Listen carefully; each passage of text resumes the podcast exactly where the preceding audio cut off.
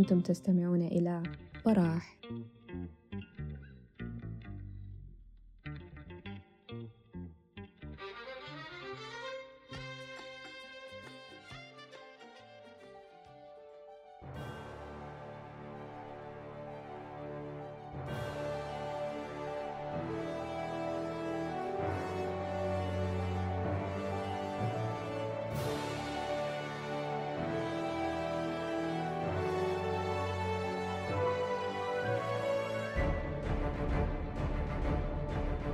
أسعد الله مساكم بكل خير ومرحب بكم في براح سينمائي جديد.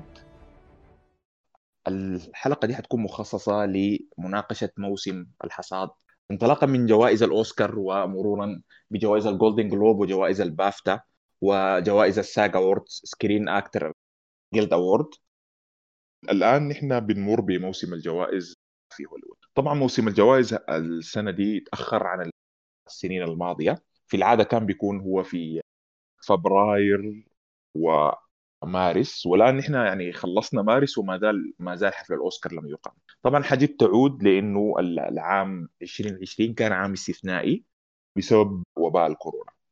يعني الوباء سبب في تعطيل السينمات حول العالم بصورة كبيرة جدا ويعني أفلام كثيرة ما عرضت في سينمات. بالعكس إنه كان من السمات الواضحة جدا للعام ده إنه ارتفاع أسهم ال streaming service بث عبر الأجهزة المحمولة يعني أو الأجهزة المنزلية. هو عام يعني عام استثنائي عام مختلف. لو قلنا إنه في حاجة إيجابية طلعنا منها إنه كان أدى فرصة أو مساحة لبعض الأفلام المستقلة إنها تظهر بصورة أكبر كان في العادة يعني يتم التغطية عليها من الأفلام الضخمة اللي تنتج من الاستديوهات اليوم نحن يعني آه، محاورنا حنتكلم عنها. آه، حنتكلم عن الأفلام الثمانية الأفلام المرشح لجائزة أفضل فيلم في جائزة الأوسكار. حناخذ نبذة صغيرة عنها وحنتكلم عن آه، أبرز آه، يعني الفئات المشاركة فيها الافلام الثمانية دي. هي مشاركة يعني في في ما كل الأفلام مشاركة في بعض الفئات لكن حنتكلم عن يعني أبرز فرصها في بعض الفئات التمثيلية والفئات الإخراجية والفئات الكتابية. حنتطرق برضو لعموما على فكرة الجوائز ومدى يعني منطقيتها وتأثرها بالعوامل الخارجية حنتكلم عن تأثير الصوابية السياسية على صناعة الأفلام في هوليوود. فدي جزء من المحاور حنتكلم عنها. معانا اليوم أخونا مصعب عبد المحسن من السعودية ومعنا آه، أستاذ هاني تيتاوي آه، محدثكم عمرو الصادق ومهاد وحارثه آه، طيب حارث عنده حاجة حيكلمنا عنها عن المهرجانات وتاثيرها تفضل يا حارس طيب السلام عليكم. مساء الخير يا شباب وتحية للجميع. زي ما قال عمرو السنة دي أغلب المهرجانات السينمائية تأجلت. بالعادة الجوائز بتاعت الأوسكار قاعدة تكون محروقة يعني أغلب الناس بمراجعة بسيطة للترشيحات. منو الفاز بال Golden Globe فئات فئة منو الفاز بنقابة الممثلين؟ منو الفاز بكذا بيقدروا يحددوا بشكل كبير آه، الفايز بالأوسكار. والسبب في الحاجة دي إنه أغلب الناس الأعضاء في الأوسكار بيكونوا هم يعني مثلا آه، أعضاء نقابة ممثلي الشاشة. هم, هم نفسهم اللي بيختاروا أفضل ممثل وأفضل ممثل مساعد في الجائزة بتاعت نقابة الممثلين. هم نفسهم اللي قاعدين في الأوسكار. نفس الشي بينطبق على الجائزة بتاعت نقابة المخرجين تلقاهم نفسهم موجودين في آه، الأوسكار. وصراحة آه، الأوسكار أنا من زمان رأيي فيها إنها حاجة عظيمة وأضافت شغل تنظيمي كويس للسينما بس فيها فيها حاجات عقيمة شديد يعني. يعني الطريقة بتاعت الترشيحات واختيار الأفضل يعني أفضل فيلم لما يجوا يختاروا حرفيا قاعد يكون الفيلم اللي عليه أقل عدد من الاعتراضات. يعني الناس ديل بيكونوا قاعدين ودي دي, دي ال short list تحت الأفلام إنه يا أخي آه عندنا الست أفلام ديل. في زول عند يعني بيكون دي طريقة الترشيح كده إنه في زول عنده مشكلة مع الفيلم الفلاني كده يعني. فبشوف الفيلم اللي عليه أقل عدد من من الاختلاف أو أو التضارب بين الناس بيفوز هو بالأوسكار. ما قاعد يفوز الفيلم اللي الناس بتقول بتصوت عليه إنه أغلب الناس بيقولوا أيوة ده الفيلم الأعظم ده الأفضل بترتيب الناس. أنا حاخد فيديو بتاع يوتيوب اللي بيشرح الطريقة بتاعت اختيار آه، أفضل فيلم في الأوسكار اللي هي طريقة التصويت البديل. وفي فئات كثيرة في الأوسكار قاعدين يصوتوا فيها ناس هم ما أهل اختصاص. يعني في فئات في فئات تقنية يعني بتاعت مونتاج بتاعت آه، صوتيات. ما الناس اللي بيجوا يصوتوا أنتوا عارفين عشان تخش في اللجنة بتاعت الأوسكار لازم تكون أوسكار وينر أو كده. فعادي يعني زي اللجنة الشعبية بتاعت الحي بيجوا ناس فايزين بأوسكار قبل كده بيكونوا قاعدين بيصوتوا للحاجة دي. وممكن عادي يصوتوا لحاجة تكون رديئة يعني. فالناس ما تتحسس من من إنه يا ده شايل الأوسكار بالذات في فئات الإنتاج وفئات الصوتيات وكده. حتى البصريات التصويت فيها برضو ما قاعد يكون بتاع مختصين بقدر ما إنه قاعد يميلوا للشغل التقليدي. إلا يمكن في آخر عشر سنة كسروا الحاجة دي مرتين اختاروا أفلام فيها كان شغل بتاع تأثيرات بصرية بالكمبيوتر كتير.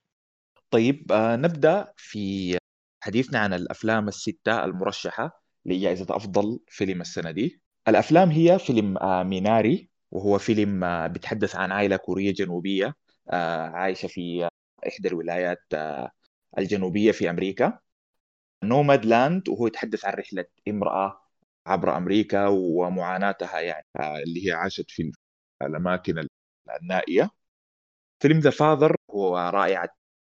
يعني واحد من أروع الأداءات التمثيلية السنة دي مع السير أنثوني هوبكنز ويتحدث عن رجل أصيب بالخرف. Judas the Black Messiah وهو يتحدث عن فريد هامتون نائب رئيس حزب الفهود السود Black Panther Party والفصول الأخيرة من حياته.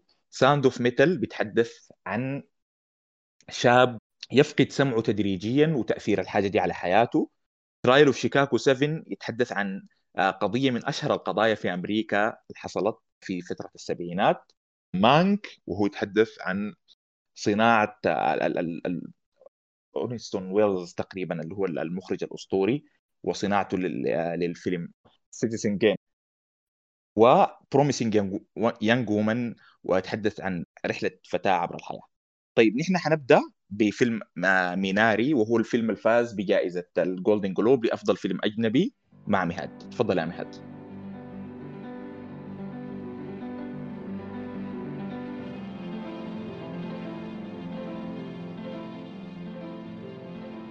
شكرا جزيلا يا عمرو. آه يا عمرو على المقدمة الجميلة دي وشكرا يا حارث على basically إنك شرحت لنا إنه يعني الكلام ده أنا عارفة إنه هو حسب ال schedule المفروض يكون آخر حاجة لكن أنا يعني عموما عندي رأي كبير في في موضوع الجوائز لكن على العموم نتكلم هسي عن ميناري. okay. ميناري بيسكلي قصته قصة أسرة كورية زي ما قال عمرو. بيرحلوا لأمريكا مهاجرين immigrants obviously uh, بيمشوا أمريكا عشان يعني يفتشوا لنفسهم مستقبل جديد أحسن من كوريا الجنوبية. المشكلة إنه في أمريكا طبعا obviously الحاجات ما بتمشي حسب ما مخطط لها. خصوصا إنه الأبو موسم دخله مصدر دخله الأساسي هو الزراعة والزراعة عموما ما ما مضمونة و ده بيسكلي القصة الأساسية للفيلم. لكن أنا هتكلم أول حاجة عن الحاجات اللي عجبتني في الفيلم بعد ذاك هتكلم عن الحاجات اللي ما عجبتني. وهتكلم عن الحاجات اللي عجبتني من ناحية هل هي بتستاهل إنها أصلا؟ هل بترشح الفيلم ده لل... لل... للبريز أو لل... للثناء الكبير شديد اللي هو ملاقيه يعني في, في الموسم بتاع الجوائز ولا لأ؟ طيب الحاجات اللي عجبتني في الفيلم ده الأداء بتاع الممثلين خصوصا الممثلة اللي كانت ممثلة الحبوبة الكبيرة والممثل الطفل الصغير. ديل الاتنين كانوا يعني أحسن برفورمانس أنا شفته. كان تمثيل حقيقي شديد خصوصا إنه الممثلة دي هي أصلا هي ممثلة يعني قديمة هي زي الميريل ستريب كده أو جوليان مور ال ال الكورية. فكونه إنهم قدروا يجيبوها لفيلم زي ده أو كونها إنها هي وافقت عشان تمثل فيلم صغير زي ده مع مخرج يا دوب لسه مبتدئ جديد دي حاجة كانت يعني كويسة منها شديد. الطفل برضو كان perfect في التمثيل. كان الأداء حقه يعني بجد ما بتصدق إنه ده يعني شافع بيمثل أو أنا عادة عموما الأطفال الممثلين عندي فيهم رأي لكن الشافع ده كان تمثيله حلو شديد وال chemistry بتاعته مع الأسرة كلها كانت حلوة. آه الحاجة الثانية اللي عجبتني هي ال cinematography obviously بتاعت الفيلم مصور بطريقة جميلة شديد. أنا هسي هنزل لكم في الشات كل ما تكون يعني shot عجباني في أي فيلم بعمل لها screenshot فالفيلم ده فيه كان كمية من ال من ال ال shots بتاعت ال... بتاعت السما. كانت حلوة شديد. يعني بتحس إنه ال cinematography الحقيقة أنا عارفة إنه كنت هتكلم عن الحاجات اللي ما عجباني في النهاية لكن تحس إنه ال cinematography كان متعوب عليها أكثر من القصة. okay دي واحدة من ال scenes اللي كان عجبتني شديد من ال shots فكلها زي دي. تحس إنه ال cinematography مفتوحة القصة مش القصة طريقة الانجل بتاعت الكاميرا أو الزاوية بتاعت الكاميرا بجد بتحسسك بال بالسكيل بتاع الحتة وإنه كيف الحتة كبيرة شديد وإنه الناس ديل صغار وده بيعكس لك إنهم هم إحساسهم كيف في أمريكا إنه أنت في عالم كبير شديد في عالم جديد فيه لسه يعني أرض أنت ما ما قادر تتعامل معاها وحاسس إنك أنت صغير حاسس إنك أنت ما بتنتمي فالحاجة دي حسسني إنه المخرج وال cinematographer الاثنين كانوا في نفس الصفحة من من ناحية إنهم يوصلوا الإحساس ده للمشاهد يعني. طيب ال performances الإحساس بتاع النوستالجيا. الأول نوستالجيا بالعربي شنو يا جماعة؟ الحنين. أيوة الحنين. أول الحنين بس. بالضبط. هو لي آيزاك تشانغ لما كتب القصة دي كتبها من وجهة نظره هو. كويس؟ بتحس إنه أنت لما بتحضر في الفيلم ده كأنك أنت بتحضر في ذكرياته هو وهو شافع صغير. كل ال... كل الإحساس كل ال... ال... الأحاسيس كل ال... ال... ال scenes أو كل ال interactions اللي كانت بتحصل كانت بتحصل من وجهة نظره. هو إحنا بنشوفها من وجهة نظره. حتى الكاميرا مرات بتكون تحت أنت بتكون حاسس إنك أنت في نص طول. الولد الصغير ده وبتعاين فوق للأم بتعاين للحبوبة بتعاين بس المهم لفوق. ف فالإحساس بتاع الحنين من ناحية ال costume ذاتها من ناحية ال set design يعني قدر قدر كويس شديد إنه هو يظبط الإحساس بتاع النوستالجيا ده لآيزاك تشانغ هل الحاجات دي بعدها نخش في الكلام الخطر هل الحاجات دي بت بت يعني هي بتعتبر أسباب كافية إنه الفيلم ده يترشح لكمية الجوائز اللي هو يترشح لها دي؟ أنا في رأيي لأ. لأنه من هنا يعني هخش لكم في الحتات أو الحاجات اللي أنا كانت ما عجباني في الفيلم ده. نمرة واحد الاختيار بتاع ستيفن يون لدور الأبو كان اختيار خاطئ شديد. لأنه هو نهائي ما قدر إنه ما قدر ما قدر يخش في ال في ال في ال في العقلية بتاعت الأبو. لا ما في حرق ما تخافوا. ما no spoilers لكن ستيفن يون أنا عجبني شديد الأداء حقه في فيلم Burning لو ما حضرتوه obviously مش حضروه فيلم خرافي. كان هناك اختياره هو للدور زول كوري أمريكي قدر قدر يجمع الاثنين مع بعض. لكن هنا لأنه هو أمريكي هو ما كوري بس هو كوري أمريكي ما قدر يلعب الدور ده صح. في حاجات كثيرة شديد ناقصة. فهو حاول إنه يتم للحاجات الناقصة دي بإنه هو يأور الموضوع شوية سواء كان من الأكسنت حقته اللي هي كانت كعبة شديدة. أنا ما عارفة ليه ليه قرر إنه يختار يعمل الأكسنت دي بجد. آه سواء كان من يعني طريقة مشيته أو طريقة نقاشه أو حتى طريقة كلامه باللغة الكورية. بتحس بيه إنه في في أفورة كده في الموضوع في في ميلودرامية. ودي برضه بتدخلنا للنقطة الثانية اللي هي أصلا القصة حقت الفيلم كان فيها كمية من الميلودراما لدرجة إنه أنت ما بتحس إنك أنت تحضر في فيلم. يعني أكتر بتذكرني بالمسلسلات الكورية حقتهم اللي بيجيبوها في إم بي سي دي. لأنه كان في حاجات كثيرة شديد بتحصل كأنها يعني ما عارفة زي بالضبط زي مسلسلات ام بي سي يعني ما, ما, ما بتتصدق. فما ما ما عارفة ما في رأيي أنا لغايته شخصيا. هو فيلم ميناري هو فيلم مهم. من ناحية التمثيل obviously representation بتاع إنه آي إحنا محتاجين لتمثيل آسيوي. في جوائز الأوسكار محتاجين لتمثيل آسيوي عموما في, في الأفلام كلها لأنه في قصص كثيرة شديد إحنا ما شفناها. والجمهور مستعد أو جاهز إنه هو يحضر. الأفلام دي وأكبر دليل على كده كان فيلم Parasite ما كان في زول متوقع إنه فيلم Parasite ده يقدر يأثر التأثير الكبير اللي هو أثره ده. لكن فيلم ميناري كونه إنه هو يترشح دي حاجة كويسة شديد. لكن ما ما بيستحق أنا غايته دي من وجهة نظري ما بيستحق الجوائز اللي هو ترشح لها دي كلها. لأنه نمرة واحد ال performances ما كانت كويسة شديد من باقي ال cast آه باقي الشخصيات ما قدر. زي ما قلت لي آيزاك تشانغ كتب الفيلم من وجهة نظره هو ذكرياته هو فكان فيه شوية أنانية القصة. شخصية الأم شخصية الأخت ما أداهم أي دور أو ما ما قدر يقول عنهم أي يعني اديهم اديهم أي سبستنس ما قدر يديهم يعني يحسسني إنه الشخصيات دي أي والله عندها حياتها الخاصة برا من غير ما تكون مرتبطة بالأب أو من غير ما تكون مرتبطة باللي حاصل لأخوها اللي هي الأخت الصغيرة. الاختيار بتاع ستيفن يونغ ال casting كان كعب شديد.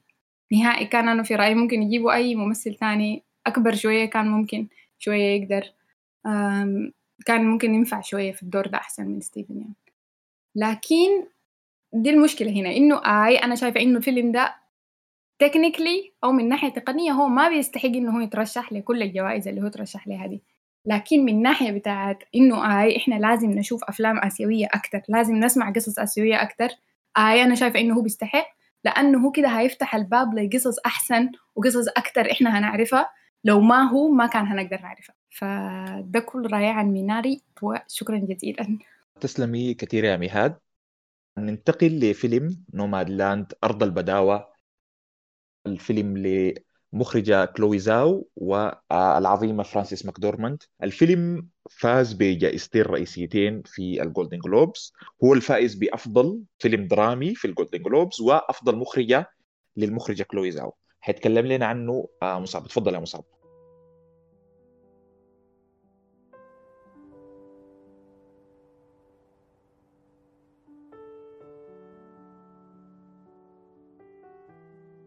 اولا السلام عليكم. مساء الخير.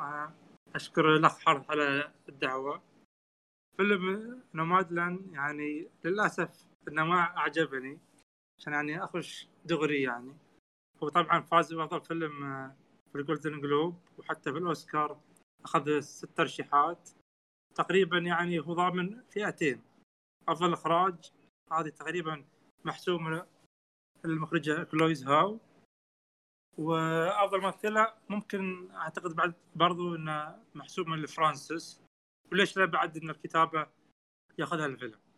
الفيلم يتكلم عن إن أمرأة طيب عمر 60 تجيها ظروف الكساد الأمريكي اللي حصل في أمريكا عام 2008 إن الاقتصاد حقهم كان تعبان وتضطر تهاجر عن طريق البراري الفيلم لو إنه وثائقي راح أكون مبسوط عليه جدا لأنه هو الفيلم تصويريا رائع. من ناحية الموسيقى رائع خصوصا في التصوير يجيب لك المنطقة الخضراء تصوير من فوق تصوير من بعيد فتشوف كل المساحة بكل جمالها. لكن مشكلة الفيلم هي القصة. يعني أنا أنا عندي عن نفسي قاعدة أي فيلم أشوفه الحكم له يكون أول أول نص ساعة. أول نص ساعة كويسة كملنا. ما كانت كويسة ابدا أبدأ أقدم بنفسي. أول ربع ساعة كانت بطيئة نص ساعة بطيئة 45 دقيقة. اضطريت للأسف إني أكمل الفيلم كامل. ما لقيت ذاك التعاطف الكبير اللي وصف لها القصة. صحيح إن فيه إيجابيات الفيلم يعني تقريبا أنا شيكت على قائمة لستة ممثلين بس أربع ممثلين اللي يعني لهم أعمال غير. أما البقية كلهم أول مرة يعملوا. يعني هذا أضاف شوي واقعية للفيلم. وإنهم يستعرضون كيف حياة البدو في أمريكا وكيف الرعاية. هذا شيء جميل لو إنك كان وثائقي. بس كقصة يعني هي تقول لك إن الممثله كانت تشتغل في أمازون. هذا أعتقد إنه اسوء طرح إنك تجيب شركة إنها في أيام اقتصادية تعبانة إنك تجيب مثال على أمازون. وإن كيف موظفين أمازون كويسين. وبرضو إحنا نعرف إن موظفين أمازون من اسوء الشركات في التعامل. وبرضو كان مثال سيء. وأيضا في الفيلم كان في محاولات إن يجون أصدقاء يساعدونها. مثلا تعالي معنا عيشي معنا تعالي لا تكونين لحالك. بس برضو تقبل تقبل بالأسف. يعني شعور الوحدة والحزن والمعاناة للأسف انه ما ما وصلني. بالنسبة للترشيحات يعني ما أدري. من وجهة نظري إنها من ناحية التصوير أكيد منصفه من ناحية الإخراج okay. بس من ناحية الكتابة لا. من ناحية التمثيل طبعا فرانسيس يعني يعني أعتقد إذا ماني غلطان لو فازت بالأوسكار راح تعادل دانيال دي لويس. بتكون ثاني مرة تكرر في الأوسكار. بتكون من ضمن النساء. أول مرة إن تكون نفس الفئة تاخذها ثلاث مرات. انها هي أخذتها عن فيلم فارجو وخذتها في... عن طريق فيلم اللي قبل كم سنة. أعتقد الله ناسي اسمه. وهالمره راح تاخذها. بس هذا اللي عندي عن فيلم نومادلاند شكرا جزيلا لك يا مصعب. آه، الفيلم القادم هو فيلم Judas and the Black Messiah وحيقدمه حارث تفضل يا حارث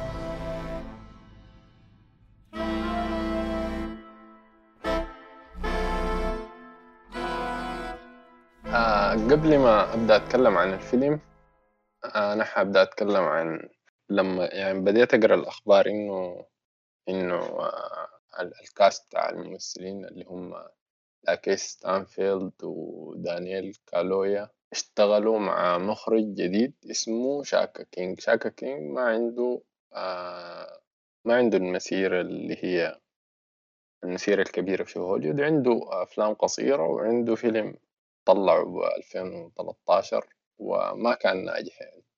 فكنت مستغرب لأنه الإثنين ديل كانوا كانوا النجوم يعني النجوم بتاع شباك.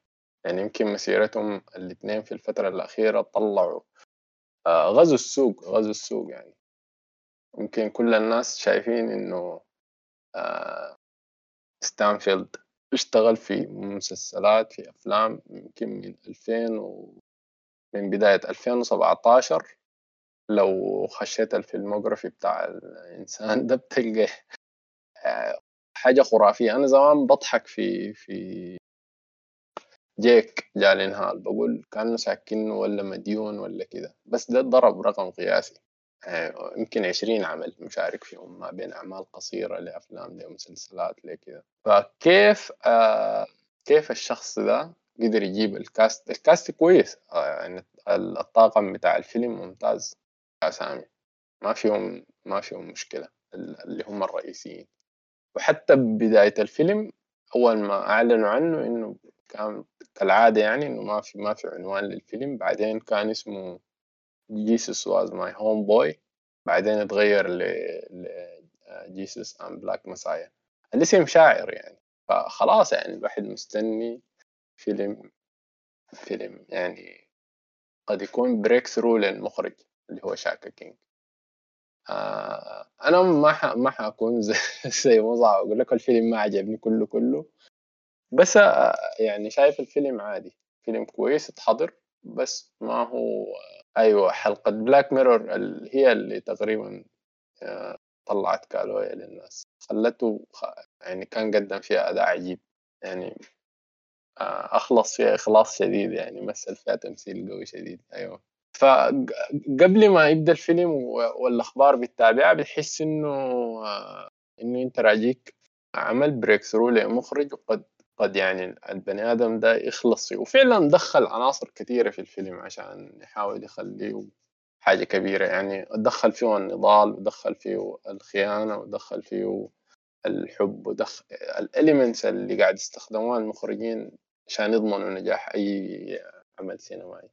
التصوير كويس في في mixing بالنسبة للقطات بتاعت الماضي مع الحاضر ما بطال آه بس overall الفيلم بالنسبة لي أنا يعني الفيلم ده حاليا هو مرشح لأكثر من واحد وخمسين جايزة وفاز بخمسة وعشرين جايزة وعنده ستة ترشيحات للأوسكار. too uh, much يعني. الكلام ده بالنسبة لي أنا برضه شايفه في ظل ظروف السنة دي برضه too much عشان الناس ما هنا يعني. عندكم حبيبنا نولان قاعد مرشحين الشباب ديل ليش شنو المفروض يدوا الجوائز كلها والله. أيوه أي واحد ما مخرج المفضل ما مخرج المفضل نولان امتنع عن الرد لحد ما انتهي من كلامي بالله لو سمحت يعني. ف الفيلم بيحكي قصة سياسية اللي هي الحزب بتاع الفهود السود ورئيس الحزب فريد هامبتون اللي هو خطيب مفوه وشاعر وكان المكتب ال FBI هو عايز يوقف نشاطاته وقام جند واحد من ويليام أونيل اللي هو ستانفيلد مجرم بيسرق العربات فجندوه عشان يتسلل للحزب. ويحاول ينهي أعمال الحزب وكده بعد ذاك بتدور أحداث القصة. والناس اللي يمكن إذا في شخص جديد في الأفلام يعني تابع آه في آخر سنتين الفيلم ده ممكن يعجبه شديد. لأنه هم قدروا يدخلوا العناصر اللي بتحلب عواطف الناس اللي بي بي بتخلي ناس ناس كثيرة ترتبط. بس بالنسبة للناس اللي حضرت كثير الكلام ده بيبقى لهم مكرر يعني. آه آي آي تمامها وبعد ذاك يعني الجديد عندك شنو في في الحاجة دي في طرحك ده ذاته.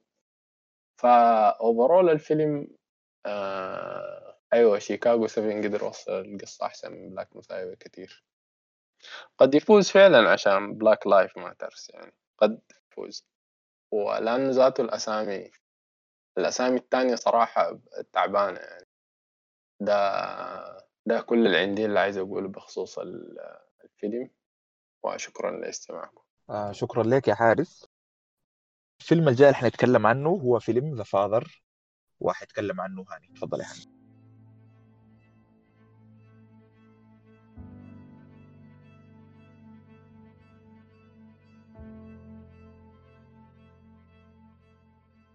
يا مساء هاني. الخير يا شباب. أيوه أيوه مساء أنا تفضل. بحاول إنه أهضم الكلام اللي قاله حارس عشان أقدر امشيه لكن حمشيه بس لكن لقدام ما أظن يعني. تاج راسك. تاج ما مشكلة. راسك.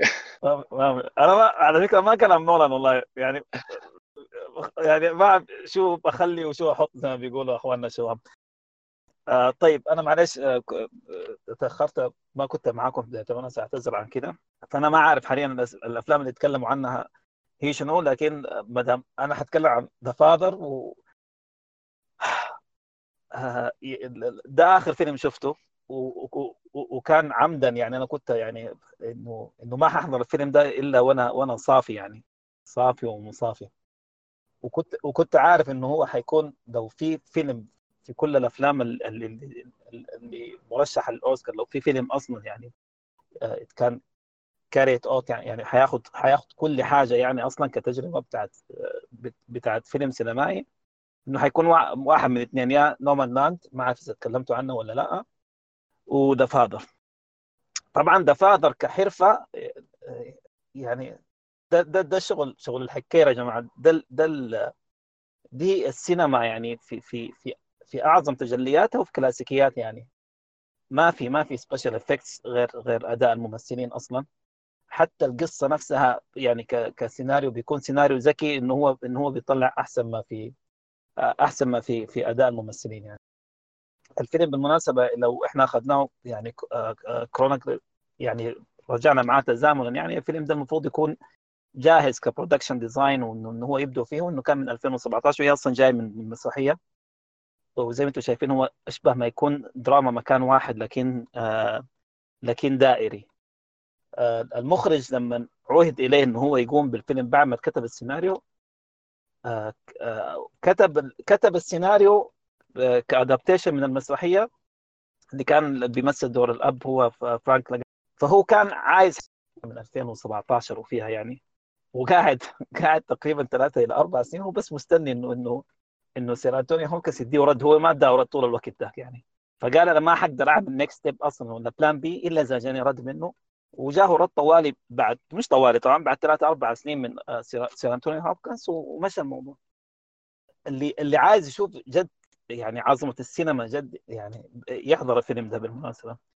آه ال- ال- ال- ال rhythm بتاع الفيلم والجو العام بتاع القصة والثيم آه موجود ومشهور خالص طبعا. آخر أوسكارات كان جوليا مور كان أخذت عن Still Alice. ما أعرف أتوقع قبل ثلاث ولا أربع سنين حاجة حاجة قريبة من من من من, من القصة دي. آه، في ترشيحات كان في ال Golden Globe كثيرة برضو في في مسألة الخرف. لو إحنا تكلمنا عن عن سنة الخرف اللي إحنا عايشينها دي اللي هي 2020 بسبب ال epidemic كان طلع I want to end things الفيلم اللي هو بتاع بتاع شارلي كوفمان واللي كان بيعالج بالمناسبة يعني نفس الأنجل ونفس الزاوية. الفرق إنه إنه ذاك يعني تعامل مع الموضوع يعني كرياتيفلي أكثر يعني. لكن هنا أنت حتشوف حتشوف أداء موجه من من من من شخصية واحدة وأنت من داخل الشخصية دي بتحاول to figure it out يعني. يعني أنا أنا في أول خمس دقائق بكيت عديل كده يعني. ما بكيت يا جماعة عشان أنا متأثر بالفيلم. لأنه الفيلم يعني يعني a bell يعني حاجة ما جديدة. أنا أنا أنا بكيت من من أداء ابن الذين ده Sir أنتوني هوبكنز إنه في أول خمسة دقائق يعني عمل له آه عمل له شغل بتاع scouting في في في الأداء يعني اللي هو إحنا بيسموه في عالم اللي هو setting up يعني. okay؟ آه بشكل مرعب يا جماعة. مرعب مرعب عديل كده يعني. الزول ده كل مرة بقول إنه خلاص وصل حده بلقاه يا أخي بيقول حد حد شنو يا ابن الذين؟ أنا لسه يا دوب ما, ما بديت يعني. ف فكان شيء شيء خرافي يعني. أنت ممكن في يعني يعني حرجع وأقول يعني لسه الموضوع إحنا في أوله. آه إذا إذا ما أخذ آه سيراتوني هوبكنز الأوسكار بجد يعني بيبقى الموضوع كله هو بس موضوع موضوع توزيع وترضيه وكلام فارغ يعني. لأنه ما في الأداء اللي قدمه ده بيفوق كل الأداءات اللي عملها قبل كده حتى اللي ترشح فيها واللي أخذ فيها أوسكارات. وبيفوق كل الأداءات اللي هي اللي بيكون دور الممثل الرئيسي انه هو بيكون arc holder انه هو بيكون شايل الفيلم كله على ظهره. زي زي مثلا دور فرانسيس ماكدورمان في في Nomadland لكن لكن يعني يا أخي حاجة والله ما بتخلص حاجة ما بتخلص. وبعد ده يعني يعني دور بنته أنا اللي اللي اللي, مساتها أوليفيا كولمان يعني هو هو كله على بعضه يمكن ما بيعمل ما ما ما بيعمل ولا ربع ساعة يعني. وجو فيجر يعني أخذت عليه ترشيح عن عن عن أحسن ممثلة مساعدة في القصة. القصة بتحكي بشكل عام يعني عن عن عن عن راجل هو حاليا في في في بيعايش موضوع الخرف اللي بيمر به ك dementia. وإحنا الكاميرا من جوا ما ما من ما من برا. إحنا إحنا ذاتنا من داخل ال vessel بتاع بتاع شخصية The Father okay؟ وبنحاول إحنا ذاتنا نحن نفهم. ودي المقاربة دي الناس اللي شافوا فيلم تشارلي كوفمان بيلقاها يعني اللي هي المقاربة الدائرية دي موجودة يعني. اللي هي موضوع ال fragmentation وإن أنا وان القصة لك ان القصة أنا عايز أفهم الحاصل وين وين وين الحقيقة وين وين الخيال وين الفراجمنت وين وين الأصل. لكن الميزة اللي أنا عجبني في في المخرج إنه كان حاول قدر الإمكان إنه يكون يوحد الموضوع على أساس إنه يخليه دراما بتاع مكان واحد. دي جزئية مهمة جدا وأنا أتوقع يعني يعني يعني أبدع فيها المخرج.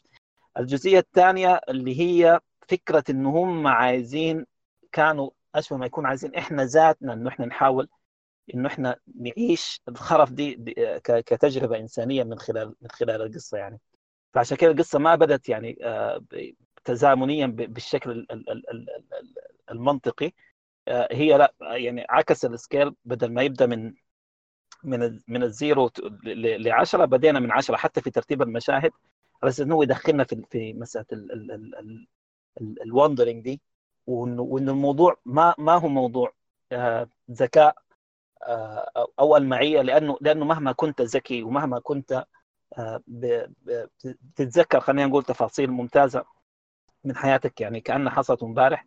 لكن برضه انه انه إنه حيفلت كل حاجة منك لأنه لأنه أعدى أعدائك في اللحظة دي هو هو أكثر ركن حصين بالنسبة لك اللي هو اللي هو عقلك. الحاجة دي يمكن حتكون واضحة يا جماعة لو أنت إحنا أخذنا هي أنا بعتبرها من اثقل ومن اسوء سنوات الأوسكار. وكل سنة يعني لو شلنا بس من من آخر 10 سنين نحن وشلنا بس 2013 و14 و18 ويلا ما تزعلوا 19 okay؟ الباقي معلش يعني كله كلكم تراب ساي يعني. فإنه إنك أنت تلقى أفلام آه، أنا بالمناسبة يعني ما أنا ما شفت الفيلمين ديل والله عشان على أساس إنه ليهم علاقة بالأوسكار لأنه أنا من من سنتين تقريبا I gave it up يعني خلاص يعني. أنا ما بقيت أتابع ال- الأوسكار ولا بيهمني الترشيحات هم هم, ناس الواحد يعني آه، أولاد نقط نقط نقط وواحد ما داري في- في الحتة دي. بس يعني ك ك ك يعني ك سينما experience أنا أتوقع إنه إنه إنه السنة دي تعتبر ممتازة إنه إنه طلعت لنا على الأقل على الأقل ب The Father و Nomadland آه وكذا ما- أعرف المفروض أتكلم باقي الأفلام بس يا عمرو ولا ولا بعد شوية؟ لا لا نخليها لل- للفقرات الجاية. آه طيب. آه الفيلم الخامس اللي حنتكلم عنه من الأفلام المرشحة للسنة دي للأوسكار هو فيلم Sound of Metal أو صوت صوت ال metal. آه الفيلم بيتحدث عن شاب آه في فرقة metal وتده... آه بيحصل له تدهور في السمع بصورة تدريجية. حقيقة كده الفيلم يعني آه، بياخدك في الرحلة دي وجزء من ال editing وجزء من من من شغل ال- ال- ال sound design وال sound mixing كان عظيم جدا جدا جدا. من أعظم الحاجات في الفيلم. هو بيخليك في بعض الأحيان بيقطع يعني ال- ال- ال- الكادر للقطة بتخليك تتصور إنك أنت تسمع الصوت أو انهيار يعني يعني تدهور الصوت اللي بيحس به بطل القصة زي ما هو بيحس.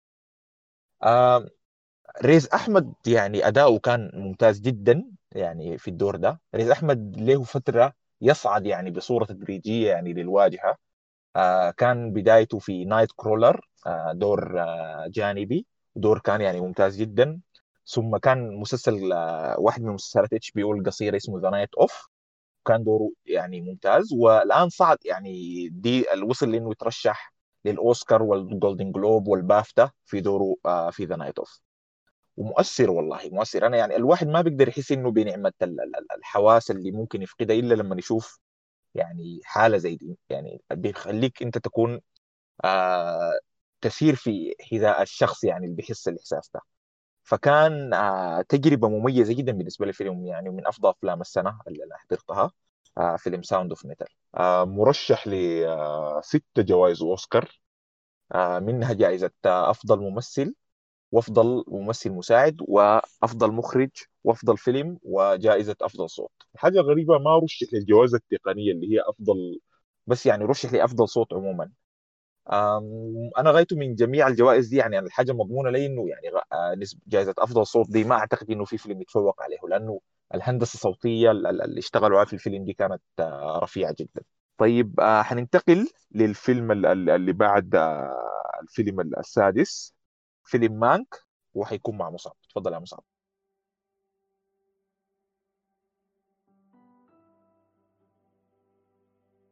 طيب أوكي. فيلم مانك طبعا آه، هو أخذ أكثر ترشيح جوائز. أفضل فيلم أفضل أداء ممثل رئيسي أفضل أداء ممثلة رئيسية كانت أماندا. أفضل صوت إنتاج ميك أب تصوير آه، مكياج.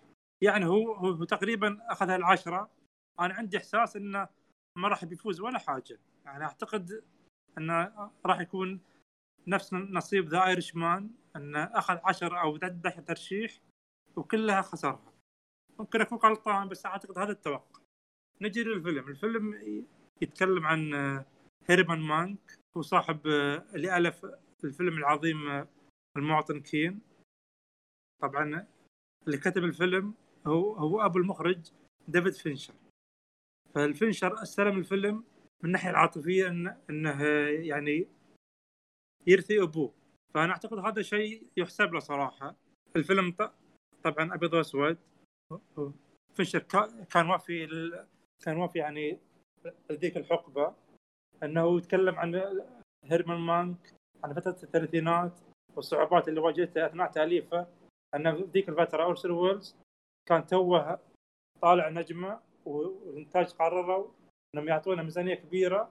وكلم هيرمان قال له عندك كنت 60 يوم. تكتب لي آه، قصة عن اللي صاير آه، في الثلاثينات في الثلاثينات في أمريكا. انها كانت في آه، في استغلال وجشع على التجار. الفيلم يبين لك انه كيف السينما وهوليوود تقدر تأثر وتغيير في عقول الناس. إن توديهم تخليهم يرشحون مرشح ألف في نفس في نفس اللحظة لما يصير حاجة كلهم تخليهم يرشحون المرشح به. واعتقد إن هذه إلى الآن تعمل. إن ركزوا على فئة معينة كيف مثلا يعني فئة الشواذ كانت قبل عشر سنوات أو 20 سنة مهمشة. فجأة الكتب والأعمال والأفلام والمسلسلات كلها قاموا يتكلمون عنها يحطونها ويحشونها داخل الأفلام والمسلسلات فجأة صارت إنه شيء طبيعي مش مستغرب. الفيلم ممكن يعيب عليه شوي بعض البطء يعني. وأنا أقترح اللي بيشوف الفيلم لازم يكون شايف فيلم المواطن كين هو عموما الشق الشق ديفيد فينشر مش ما راح أقول إنه خيبة أمل لكن آخر عمل له كان جان جير عام 2014 فمن 2014 إلى 2020 كانوا ينتظرون شيء أكبر لكن أنا راح راح أكون مقدر إنه يعني عمل في جو مختلف كليا عن اللي إحنا نعهده وانه كان وفي للزمن ولوالده فمثل ما قلت إن العشر ترشيحات أعتقد انه راح يخرج منهم بولا حاجة. ممكن الميزة اللي فيه ممكن إن انه بعدها هالأجواء وإن المديح شجعت فينشر حتى في تصريح قال أنا كيف لي 30 سنة ما عندي إلا بس بس 10 أعمال. يعني هذا في له عمل قادم يعني راح يرجعنا الأجواء المعتاد عليها باسم القاتل. بس شكرا. آه شكرا لك يا مصعب. فيلم القادم الفيلم السابع هو فيلم The Trial of Chicago 7 الفيلم حيكون مع هاني. تفضل يا هاني.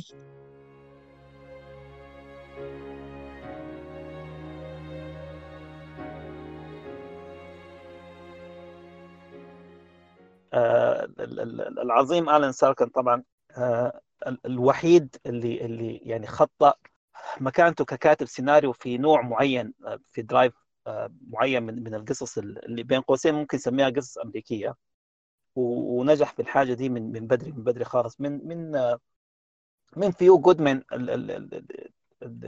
كم 80 ولحد أسي هو ماشي على وتيرة. كل مرة الوتيرة دي بتنجح في إنه في في معالجة أو يعني أو treatment يعني في في الأفلام دي ما ما بيقوم بها غير الان ساركن وبينجح فيها.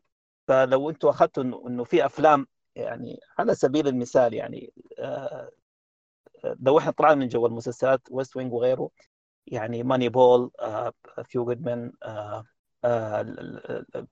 السوشيال نتورك والحاجات دي كلها بالمناسبة ما كان ممكن إن هي تظهر بالالخ دي من دون من دون عامل الكتابة واللي كان بيقوم عليه آرون سوركين الحاجة أنا بحبها فيه دائما إنه إنه زي ما قلت لكم اللي هو موضوع التخصص يعني.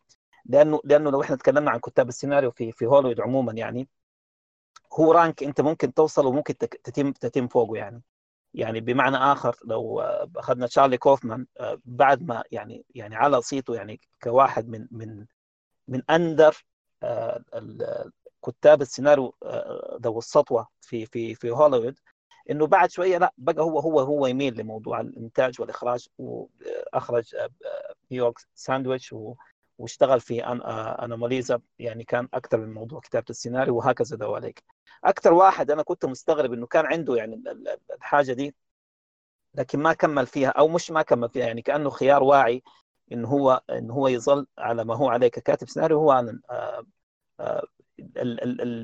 الحاجة الممتازة آه، يعني لو إحنا أخذنا كمثال القصة دي آه، اللي بتدور أحداثها في 1900 اعتقد 69 في في في يعني كان متزامن مع ال مع ال Democratic National Convention في شيكاغو وحصل وحصل الأحداث دي وبعد ده يعني جاء من بعديها الموضوع المحاكمة. أغلب الناس بالمناسبه بما فيهم آه، ساكن ذاته بالمناسبة كان يعني من من خلال تعاطي الميديا عارف القصة. لكن أكثرهم ما كانوا عارفين ال ال ال الدراما الثانية اللي كانت حاصلة في في في, المحكمة الوقت ذاك. يعني حتى إن أنا أتذكر إنه إنه هو مشى سأل أبوه آه، عديل كده يا أخي إنه هل فعلا حصلت إنه كان في محاكمة؟ لأنه الحاجة انه وصلت إنه إنه ما كان في حاجة زي كده. أبوه كان أكد له الحاجة دي. لو رجعنا لورا شوية طبعا في في أفلام يعني معروفة يعني ك major studios يعني إنه هي بتكون موجودة أصلا في موجودة أصلا في ال في ال في ال في في, ال في الرزنامة الهوليوودية يعني ومن مفتوح لها على كل الأبواب لكن كل المطلوب فقط يعني ال alignments أو أو الاصطفاف بس عشان عشان الفيلم ده بس يقوم يعني. فالفيلم ده Trial of Chicago 7 بالمناسبة كان من 2006 وهو آه، يعني واقف على على حيله. كان المفروض ستيفن سبيلبرغ هو اللي يتولى الإخراج وستيفن سبيلبرغ هو اللي استدعى آه، آه، آرون سوركين على أساس إنه إنه إنه هو يقوم بموضوع الكتابة. لو يعني, يعني ما مشكلة ما دام أصلا إحنا قاعدين نتكلم عن عن هوليوود يعني خلينا خلينا نشيء أو أو أو أو نعلن للفيلم إنه كان الوقت ذاك لما كان آه، آه، سبيلبرغ كان على على دفة الإخراج كان المفروض آه، الدور بتاع ال protagonist المفروض كان يقوم به هيث ليدجر وكان في اللي هي من الشخصيات الرئيسية أنا معلش نسيت المسمى الأسماء بتاعت الشخصيات لكن إنه إنه كان إنه كان المفروض ويل سميث يكون واحد من من من الناس الموجودين برضه في في ال joint ده. آه، اللي حصل انه انه إنه الموعد اتأخر آه، يعني إلى أجل غير مسمى لأنه كان المفروض موعد آه، ليدجر مع مع سبيلبرغ قبلها بيوم كان كان حياته انتهت. وبعد ده الفيلم بقى ياخذ في موجة ارتدادية بتاع التاجيل ورا تأجيل ورا ورا تأجيل. وكان أهم المواضيع اللي تاجلت آه، آه، بسببها كان اللي هو ال writer strike strike عفوا هو إضراب إضراب الكتاب هوليوود في في 2007 لحد 2008 بالمناسبة. دي يعني لو في لو في حدث يعني حصل وكسح آه، هوليوود وقلب عليه وأعطيه يعني أكثر من ال epidemic اللي إحنا فيه ده كان موضوع الإضراب بتاع بتاع الكتاب. آه، المهم آه، أيوه شخصية بوبي سيل الحمد لله اني تذكرته. بوبي سيل اللي اللي اللي يحيى عبد المتين هو اللي ماسك اللي مثل الدور كان المفروض يكون لويل سميث وشخصيه توم هيدن آه، كان المفروض يكون ل لهيث ليدجر. آه، عموما بعد ده الفيلم زي ما قلت لكم واقف على حاله لكن كل مرة بيحصل فيه تأجيل ورا تأجيل. لحد ما somehow كده استلم الإخراج ارون آه، سوركين.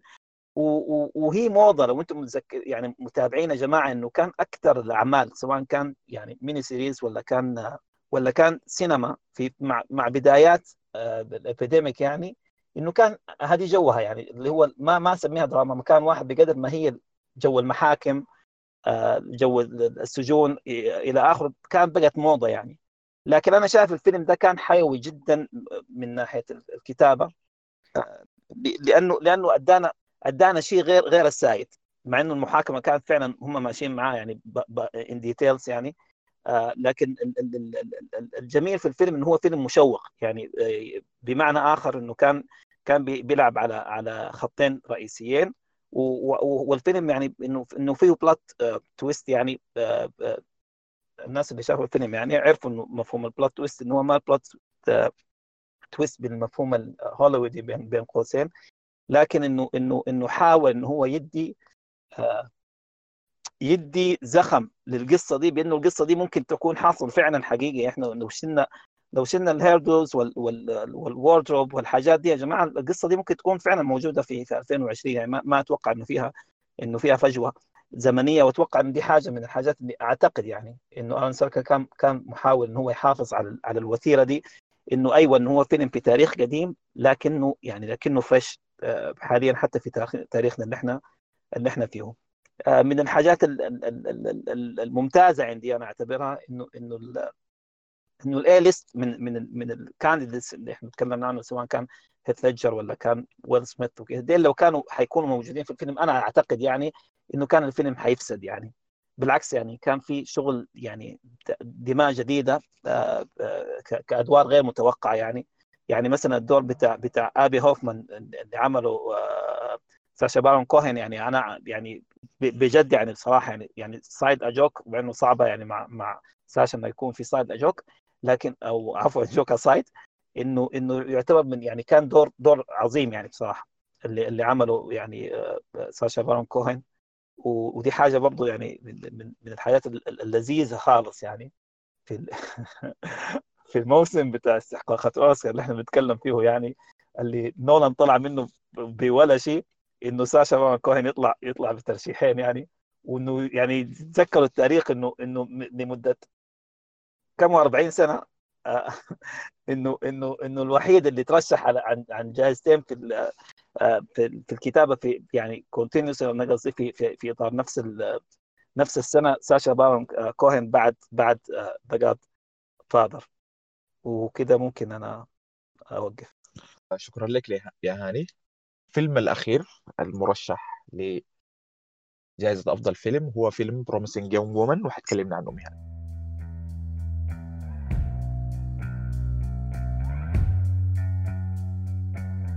okay Promising Young Woman.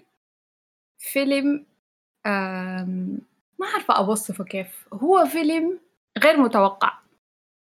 لكن متوقع في نفس الوقت. طيب متوقع كيف؟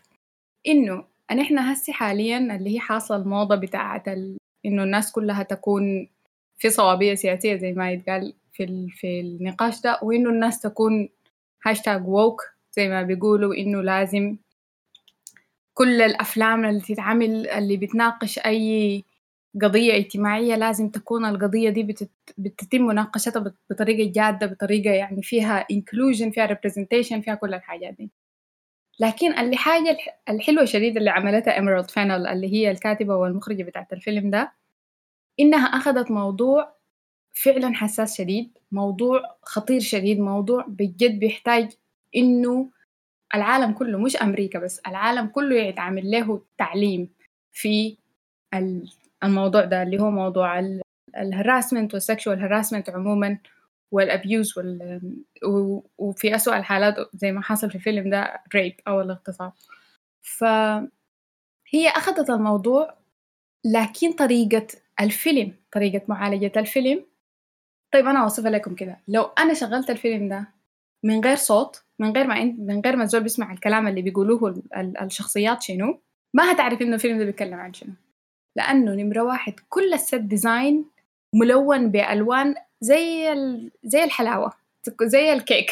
كل الألوان لبني وأصفر وأحمر وأخضر كل ال ال ال ال ال ال costumes كلها ملونة. حتى الشخصية بتاعت كاساندرا اللي هي الشخصية الأساسية دي برضها برضها دائما هدومها ملونة وعاملة شعرها يعني ما ما بتحسسك ال ال فيها ال الستيريوتايبنج أو ال يعني ال ال النمطية بتاعت الشخصية اللي هي نحن دائما بنتوقعها. لما نكون عايزين نتكلم عن شخصية بت بت بتناقش عموما الموضوع ده أو بتتكلم عن الموضوع ده.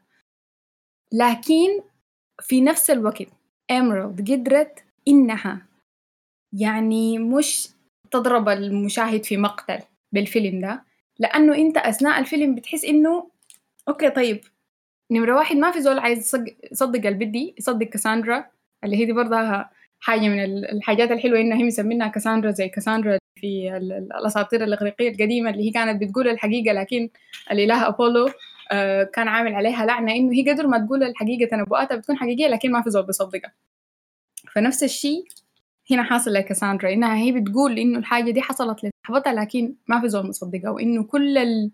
ما ه... ما هحرق لكم الفيلم لكن إنه كل المشاكل اللي حصلت لصاحبتها حصلت بسبب ال... ال... الحدث ال... الواحد ده لكن ما في زول عايز يصدقها وكل الناس بيقولوا لها يا أخي هي أصلا كانت كده هي أصلا ما كانت يعني بت... بتخط حدود هي كانت دايما بتطلع وقت متأخر اتسترا اتسترا لكن المخرجة زي ما أنا قلت قدرت إنها هي تقتلنا أو تقتل المشاهد عموما. إنه أنت يعني خلال الفيلم كله ما بتكون حاسس إنه الوضع بالأهمية دي.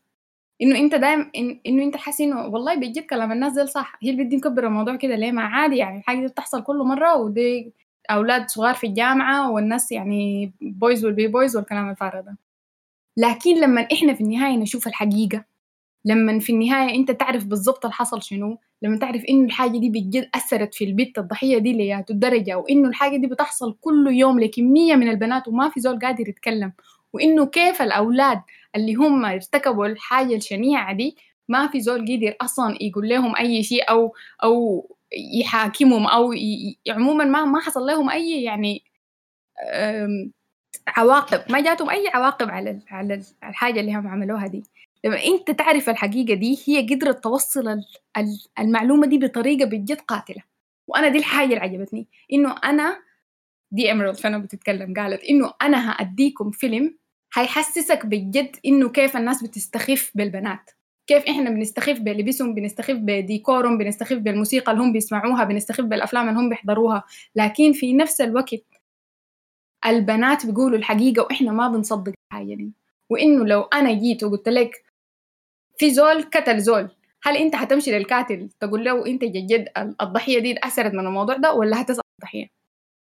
دي دي دي يعني أنا حاجة مهمة شديد بالنسبة لي. فأنا بتمنى الفيلم ده شايفة إنه يعني يعني بيستحق فعلا إنه هو يفوز في في الأوسكارز. ما أظن إنه هيفوز للأسف ما ما حاسة إنه يعني الترشيح بس كان مجرد إنه هو يملوا به خانه لكن أنا شايفة إنه هو بيستحق إنه يفوز. ويعني لو في حاجة أنتوا طلعتوا بيها الليلة من النقاش ومن الكلام الكثير اللي أنا قلته ده إن الحاجة دي بس إنه أنتوا تمشوا تحضروا الفيلم ده وتعرفوا إنه كيف الموضوع ده بجد مؤثر. طيب دي دي, دي الحاجات اللي أنا عجبتني شديد. لكن برضو كمان الفيلم ده أنا يعني واحد الحاجات اللي باخد عليه إنه التركيز عموما اللي هي واحدة من الحاجات اللي بي, بي يعني واحدة من الأخطاء اللي بتقع فيها أغلب الأفلام النسوية أو الأفلام بالذات من هوليوود إنهم بيحاولوا يركزوا على القضية بتاعت عموما abuse أو harassment أو أي حاجة إنه التركيز على الثقافة الأمريكية وإنه هاي إحنا برضو هي ليها منطق إنه هاي والله الضحية أمريكية وال setting أمريكي وأي حاجة لكن في نفس الوقت التركيز على الثقافة الأمريكية شديد. فأنا حاسة إنه الباب اللي هيفتحوا الفيلم ده زي ما ميناري هيفتح فيلم هيفتح باب لأفلام كورية وقصص آسيوية أكتر إنها تتحكي. أنا بتمنى إنه الفيلم ده يفتح باب لأفلام تقدر يعني تحكي قصص قصص بتمثل ال feminism بتمثل آه، قصص البنات والنساء عموما من حوالين العالم ما بس من أمريكا. وما تكون الأفلام دي تتخطى في ال foreign film category لأنه دائما ال category دي أو الفئة بتاعت الأفلام الأجنبية ما في زول بيشتغل بها أو ما بيدوها نفس الاهتمام. إنها الأفلام دي تتخطى في في, في الفئة بتاعت أحسن فيلم أحسن مخرجة أحسن ممثلة أساسية. فدي دي الحاجة اللي أنا بتمناها يعني. شكرا لكم وبكده بختتم. مدخل مناسب جدا لفقرتنا الجايه فقرتنا الجاية. الفقرة الجاية اللي حتكلم عن الأفلام الأجنبية المرشحة لهذه السنة وحيتكلم عنها مصعب. وحيدينا يعني زي ما انت قلتي إنه هي ممكن الضوء ما يلقي ما ملقي عليها بصورة كافية. مصعب حيلقي الضوء على الأفلام المرشحة لأفضل فيلم أجنبي في الأوسكار. تفضل يا مصعب. تمام. طبعا فئه الأفلام الأجنبية المرشحة أنا سنويا هذه أنا اللي تهمني من الأوسكار. صراحة من بعد فوز Moonlight. بافضل فيلم آه، في السنة. قلت خلاص قطعت عهد. راح اهتم بس في الفئة الأجنبية لانها هي فعلا اللي تعطيك حاجة جديدة. عموما نتكلم عن أفلام المرشحه طبعا هي خمسة أفلام. راح نبدأها مع مع الفيلم التونسي العربي. لكن هل هو فعلا عربي؟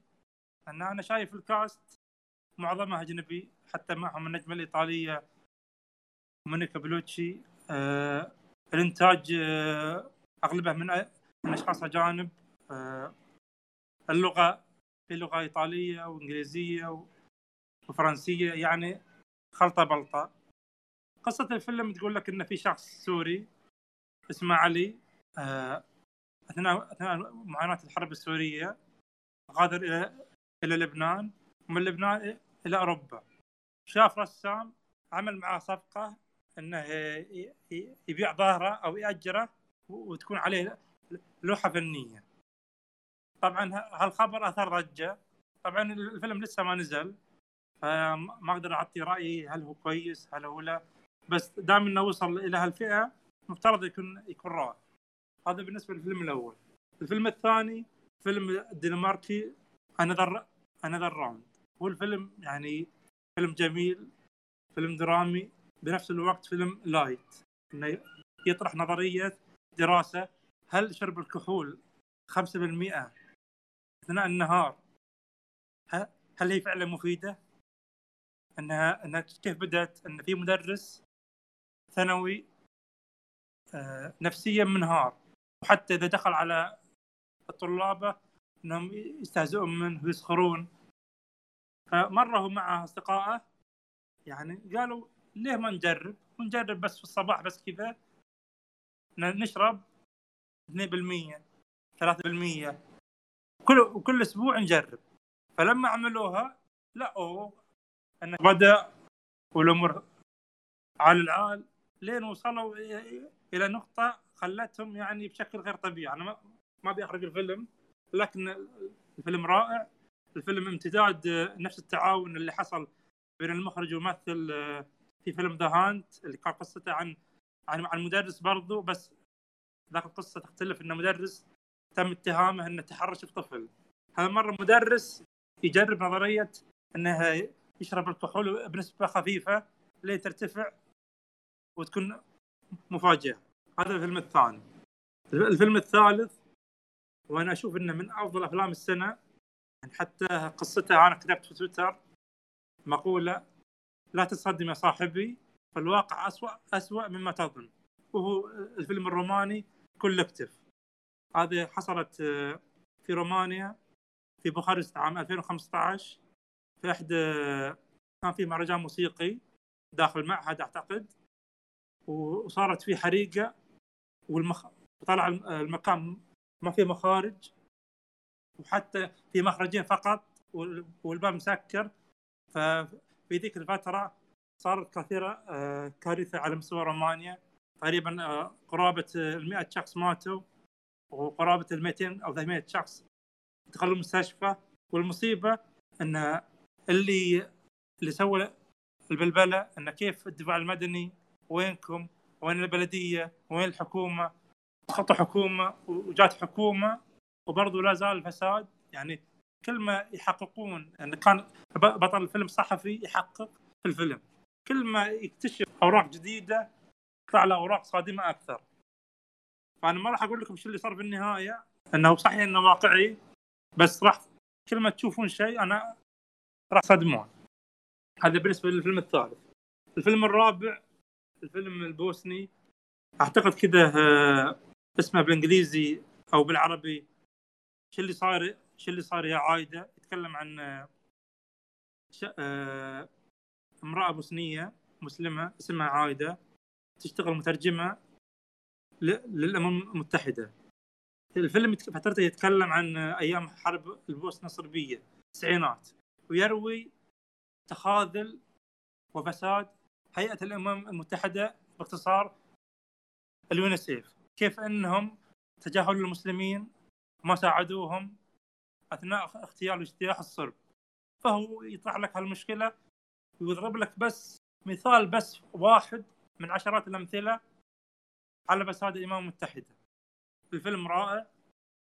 آه، أداء البطلة أنا مصدوم مصدوم إلى الآن. كيف انها ما ترشحت إلى أفضل ممثلة؟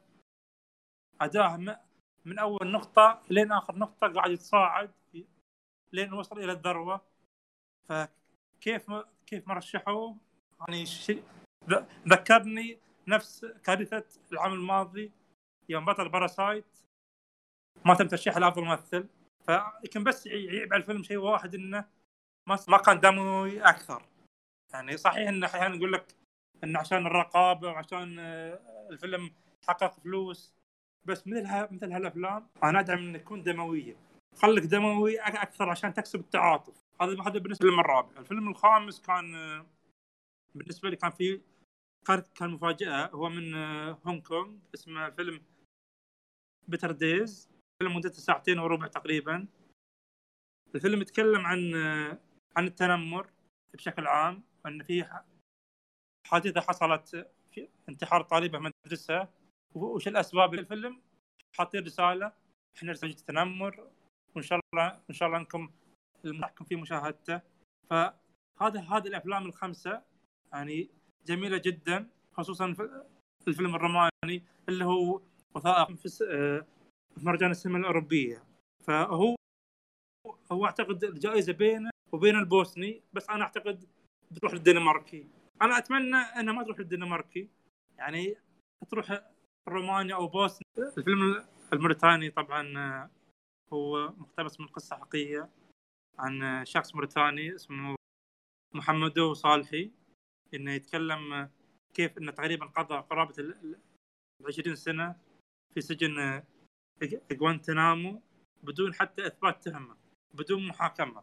فقط انه يعني من جراء أحداث آه، آه، سبتمبر الغاشم إنه يلا أي أحد مسلم ولا له علاقة من قريب ولا من بعيد من آه، أسامة بن لادن ولا حتى أصدقاء أسامة بن لادن يلا على طول خشوه وحطوه في النظارة وانسوه طبعا الفيلم يطرح لك معاناة آه، محمدو إنه كيف كان شخصي آه، مهندس في ألمانيا كيف رمى للسجن. يطرح لك نظرية الخير والشر الخير تتمثل في المحامية جودي فوستر والشر في العقيد آه، بريدت كامبرباش.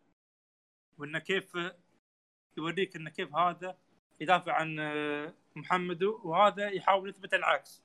انها هي تحاول تبرئه والثاني يحاول إنه يتهمه. لين تبدأ الأحداث يعني آه، أنا مش عاوز أحرق الفيلم لكن الفيلم أنا برضو يعني أميل له إنه برضو ممكن يكون كان ممكن يكون دموي أكثر. إنه يعني آه، إنه اللي عرضوه بس ما ولا يذكر من الأشياء ال- المجازر اللي صارت للمعتقلين. أنا حبيت في شخصية ثانوية اللي هي جار جار محمدو اللي هو نفس السجن. هو اللي اسمه أعتقد صلاحي أو عزيز إنها شخص فرنسي وجابوه إلى الس... إلى غوانتنامو والفيلم بعد يطرح لك إنه كيف ان غوانتنامو أصلا هي هي مدينة ساحلية جميلة. اللي في السجن شايفين ال- المر والويل واللي والسجانة قاعدين على البحر coffee shop حاطين لهم coffee وبرجر وآخر حلاوة. بينما في الداخل قمة التعذيب يعني هو يكفي ان إن الرسائل التي التي تطلع من السجناء بعد ما تطلع إنه يتم مرورها على على الإدارة ويحذفون الأشياء اللي تح... اللي تحس انها تتشوش معتهم والاشياء الع... والاشياء العادية يتم تمريرها. ف يعني حل محل طاهر هذا يعني أمر مقبول جدا. بس طاهر كان أحق من تشادويك بوسمان. طبعا ممكن بعد شوي اللي يعيب الفيلم انه إنه قعد فترة يمهد يمهد يمهد. يعني مثل مثل هالافلام على طول حبيبي خش خش جامد. الأحداث كلها نار الفترة كانت نار. يعني. كل الأجواء كانت حامية. ما كان يحتاج إنك تورينا يعني okay تورينا ماضي محمد okay مقبول. بس إنك انت أخذت وقت أكثر من اللازم. المفروض إنه على طول أنت تخش حامي حامي. طبعا الفيلم آه تم طرحه في فبراير. هم كانوا الشركة نظرتها إنه يدخل الأوسكار بس يعني ما ما نجح يعني. ومتوقع. فيلم يتكلم عن شخصية مسلمة. يعني حتى الفيلم الب...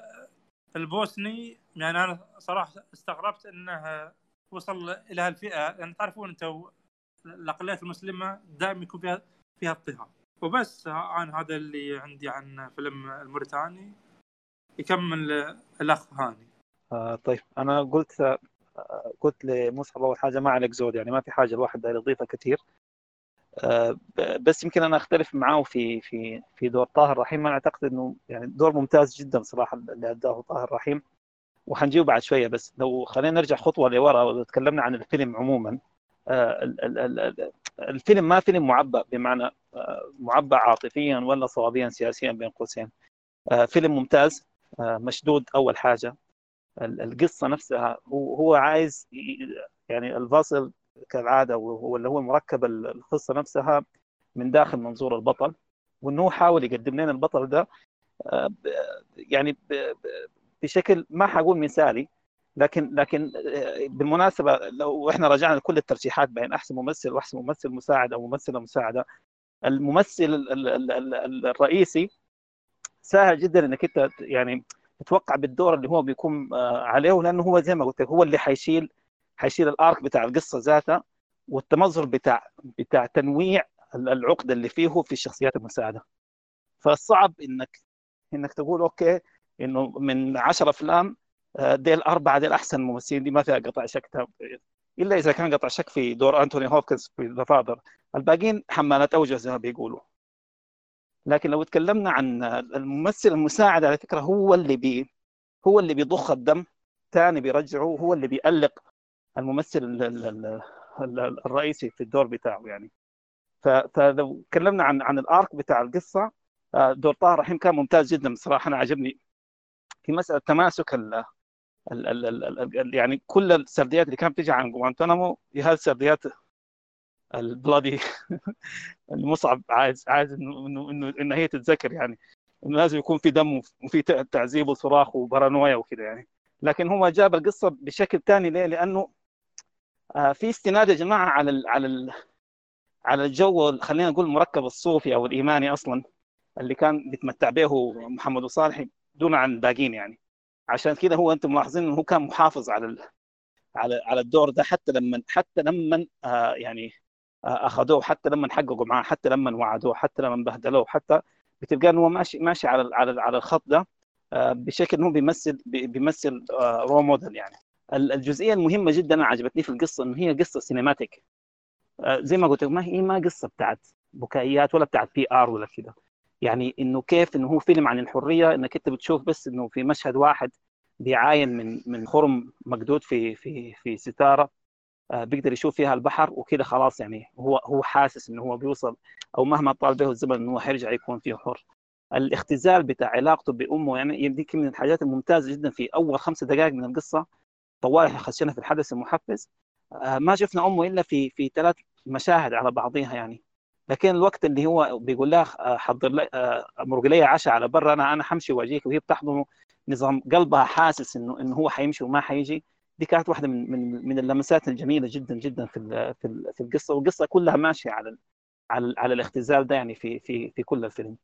إذا جينا تكلمنا عن موضوع الحاجة الإضافة اللي عملها أيوه يا جماعة بعد 60 سنة آه، من فيلم الرسالة أعتقد ما كان في في representation representation للإسلام زي ما هو يعني بعيد عن عن الذهنية الهوليوودية زي الفيلم ده. يعني أنا أول مرة في حياتي في حياتي من من فيلم الرسالة يا جماعة أنا أشوف فيلم آه، هو طبعا إنتاج آه، بريطاني لكن آه، يعني داخل مع هوليوود يعني إنه إنه جابوا لي في ناس بتتوضا عديل كده. جابوا لنا في في في قبلة مخططة لموجود موضوع الصلاة وما له علاقة بأنه هو توجه نحو الشمس زي ما كل الأفلام لحد 2000 وشوية يا جماعة لما بيجيبوا موضوع الحكاية دي بيجيبوها إن إحنا الناس قاعدين قاعد تصلي الليل. الزود ده صلى صلاة غايب. عادية كده جابوا لنا بيصلي صلاة غايب ويدعو يعني الحاجة دي ما ما في ار الحاجة دي مربوطة أصلا بالشخصية. زي ما قلت لكم الشخصية بيمثل هو الرومود اللي هو هو الصوفي الصوفي الصوفي داخل المعتقل على أساس كده كان كان مستصحب الحاجة دي. إضافة لكده الدور اللي عملته جودي فوستر صراحة يعني يعني دور يعني ما هو جودي فوستراوي يعني اللي هي كانت يعني سرحت ومرحت في في في هوليوود. وبعد بعد ما خلاص حاليا هي في عقدها السابع تقريبا. آه، الأدوار الأدوار لما تقل هنا هنا تطلع من ال comfort zone يعني. فأنا أعتقد إنه الدور ده يعني بصراحة يستحق إنه هو يترشح لاكثر من ال Golden Globes وهو طبعا كسلة ترشح أكثر من 30 جائزة في في جوائز عالمية. لو تكلمنا عن فينيس وتكلمنا عن عن بافتا وغيره لكن هو ما وصل للأوسكار ما عارف ما, ما وصل ليه ما بيهمني بصراحة لكن المهم شيء انه الفيلم ممتاز أنا بعتبره. آه، آه، آه، جودي فوستر قدمت دور ممتاز جدا جدا زي ما قلت لكم وبرا ال comfort zone بتاعها. والفيلم اللي قبال ده كان Hotel Artemis مع إنه الفيلم ذاته فيلم هو فيلم فيلم ما عايز أقول لك بيض لكن فيلم أكشن وكذا لكن قدمت فيه دور يعني بعيد عن الناس المتصورينه عن عن جودي فوستر. و أعتقد كده أنا خلاص ال insight بتاعي. طيب الفيلم الثاني اللي عايزين نتكلم عنه آه من الأفلام اللي ما رشح آه يعني أو ما تكلمنا عنها لأن إحنا تكلمنا عن أفلام مرشح لأفضل فيلم. هو ده فيلم مرشح لأفضل فيلم animation animation feature هو فيلم Wolfwalkers طبعا أعتقد معظم الناس حتكون من الأفلام المرشح لفيلم أفضل animation هو فيلم Soul فيلم بيكسر اللي نزل السنة دي. لكن في رأيي الشخصي إنه الفيلم فيلم Wolfwalkers وهو فيلم يعني فيلم مختلف عنه حتى في, في الطريقة. هو أنا شايف إنه أفضل فيلم animation نزل السنة دي. فيلم ممتاز جدا من ناحية شكل الرسوم و style الرسوم كان مختلف تماما. من ناحية القصة يعني الحكاية هو كان يعني أخذ من الفولكلور الأيرلندي ويتحدث يعني عن واحدة من الأساطير أو الأحاجي المتناولة بشدة في الفولكلور ده. وتناوله بطريقة جميلة يعني يعني بطريقه جميلة ويعني الفيلم عموما من من بدايته حتى نهايته كان فيلم ممتع جدا وفيلم يعني طابعه كان يعني درامي وقصته كانت ممتازة. ممكن برضو مهاد تضيف شوية على كلامي عن فيلم Wolfwalkers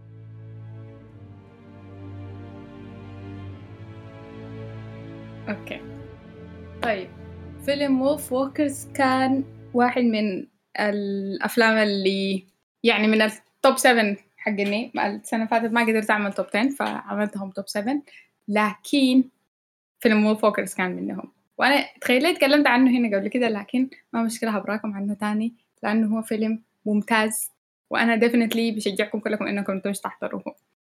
طيب عشان نقدر نفهم فيلم Wolfwalkers لازم نفهم القصة أصلا هي عن شنو. هي قصة من ال من الفولكلور الأيرلندي اللي هي بتحكي قصة ناس بيقدروا يتحولوا لذئاب في نفس الوقت. ويعني نوع قصص بتاعت حبوبات كان بيحكوها للشفع الصغار كده.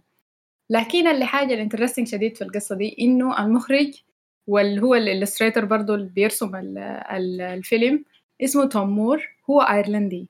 وهو توم مور ده عامل يعني مهمته في الحياة إنه هو يعيد استكشاف الفولكلور الأيرلندي ويرجعه تاني لل... سواء كان لل... لل... للوعي الأيرلندي أو للعالم كله يعرف العالم إنه والله إحنا في أيرلندا عندنا قصص زي دي سواء كانت للأطفال أو عموما قصص فيها. هي obviously بتكون قصص للأطفال لكن بيكون فيها عبر ممتازة شديد. فكل ال filmography حقته basically فيها كده كان uh, سواء كان ده The Secret of Kells أو uh, The Illuminators اسمه برضو. فكل الأفلام حقته هي بتترسم بنفس الطريقة. hand hand painted بتترسم بالإيد يعني ما بتتعمل CGI زي أفلام بيكسار أو أفلام uh, الأفلام ال animation اللي بنشوفها عادة بتترشح يعني. الشغل بيشتغلوه بعد ما تترسم الرسمة بتعمل يعني ال board بيشتغل بنفس طريقة استوديو جيبلي إنه بتكون الرسمة animation fully لكن مرسومة يعني كلها fully لكن بعد ذاك ال animation بيتعمل بالكمبيوتر يعني. ما من الأول إحنا بنرسم الحاجات 3D وبعد ذاك نقوم نعمل بالكمبيوتر. ف دي بتوريك إنه هو لياتو درجة هو مهتم إنه هو يرجع الإرث حقه الفكري الأيرلندي للعالم وإنه يوريه للعالم بأحسن طريقة. لأنه خصوصا إنه أيرلندا كانت مستعمرة من قبل بريطانيا. كانوا مانعينهم إنهم يتكلموا اللغة الأصلية حقتهم مانعينهم إنهم يسموا نفسهم بالأسماء حقتهم باللغة ال Celtic language بتاعتهم القديمة. مانعينهم حتى يحكوا القصص دي لبعض حتى يحكوها لأطفالهم حتى في المدرسة ممنوع أشوف إنهم يتكلموا عن الحاجات دي. ف كونه إنه هو هسي حاليا بيحاول إنه حرفيا frame by frame يعني بيرسم frame frame إنه هو يرجع الإرث بتاع بتاع أهله بتاع بلده ف ده براه سبب. تخيل لي يخلي الناس إنها يعني مش تحضر افلام وتحضر افلام كلها مش Wolfwalkers بس مع إنه Wolfwalkers so far is my favorite يعني لحد الان هو أحسن فيلم أنا شايفه يعني بتاعه. ف شكرا.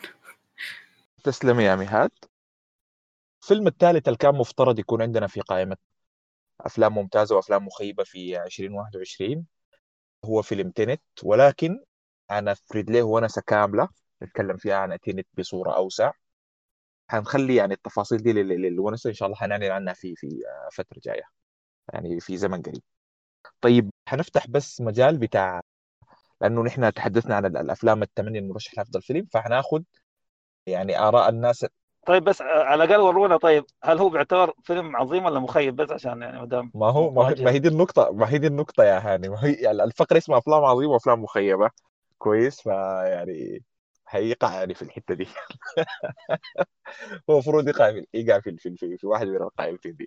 آه نخلي الكلام ده والنقاش ده ل- ل- ل- آه لليوم ال- الكامل حنتكلم عن فيلم تنت ونفتح ال- ال- المجال لكل المتحدثين اليوم إنه يدوا آراء عن الأفلام الثانية اللي ما تكلموا عنها لأنه يعني كل واحد تقريبا يتكلم عن فيلم واحد أو فيلمين. فممكن ندي مساحة لكل الناس إنه يدوا آراء عن بقية الأفلام المرشحة ويعني بالنسبة لهم مثلا لو في فيلم مميز أو فيلم يعني شايفينه ممكن يفوز في جائزه معينة. طيب أنا حابدأ بس من الأفلام اللي شفتها فيلم Judas and the Black Messiah. أعتقد إنه جائزه أفضل ممثل مساعد. دانيال كالويا يعني بنسبة كبيرة حيكون هو المرشح الأبرز إنه يفوز بالجائزه دي. هو فاز بها في جائزه ال- ال Golden Globes المنافسه ال- ال- ال- ال- الأبرز حيجيها حيجيها من ليزلي أودوم جونيور اللي مثل في فيلم One Night in Miami لأنه في ال Golden Globe زي ما عارفين إنه بيتقسم لفيلم درامي وفيلم موسيقي وكوميدي.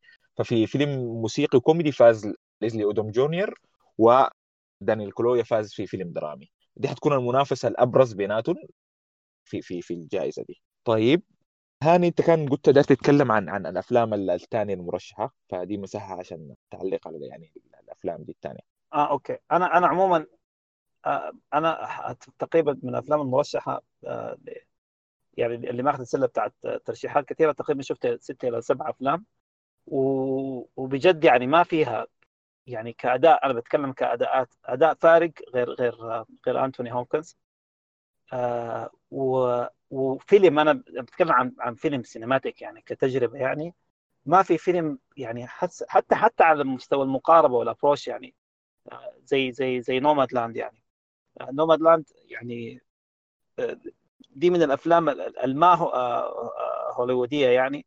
ويعني وفيلم فيلم فيلم عجيب آه، لأنه لأنه اولا زي ما قلت لكم النزعة ال- ال- الهوليووديه دي ما موجودة فيه لأنه الفيلم اللي شاف الفيلم بيلقاه إنه بيتراوح ما بين موجه فرنسية حديثة وما بين وثائق يعني. أنا أنا أنا الفيلم اللي الحاجة اللي شدتني خالص للفيلم إن أنا كنت بشوف مشاهد بالذات في مشا- مشاهد الحوارات آه، الدور بتاع فرانسيس ماكدورماند مع الناس التانيين.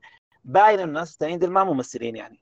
فأنا قلت يعني يعني WTF يعني ده شنو؟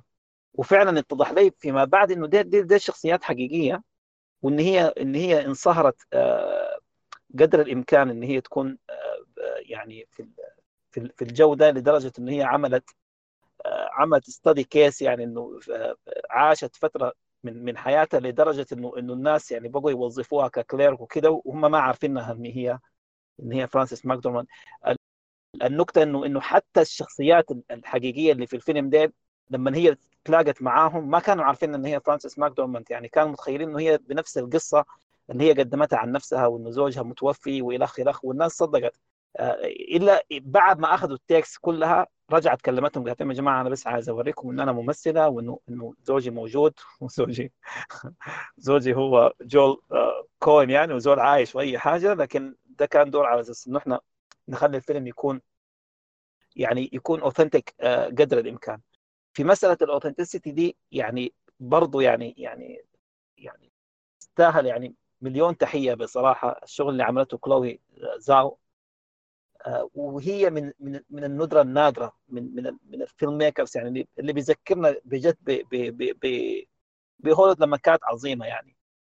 آه، فيلم أصلا برا من الاستديوهات وبعد ده هي لما قامت فيه هي هي كاتبة السيناريو وهي اللي عاملة editing وهي اللي منتجة وهي المخرجه وترشحت عن ديل كلهم في, عن, الأوسكار.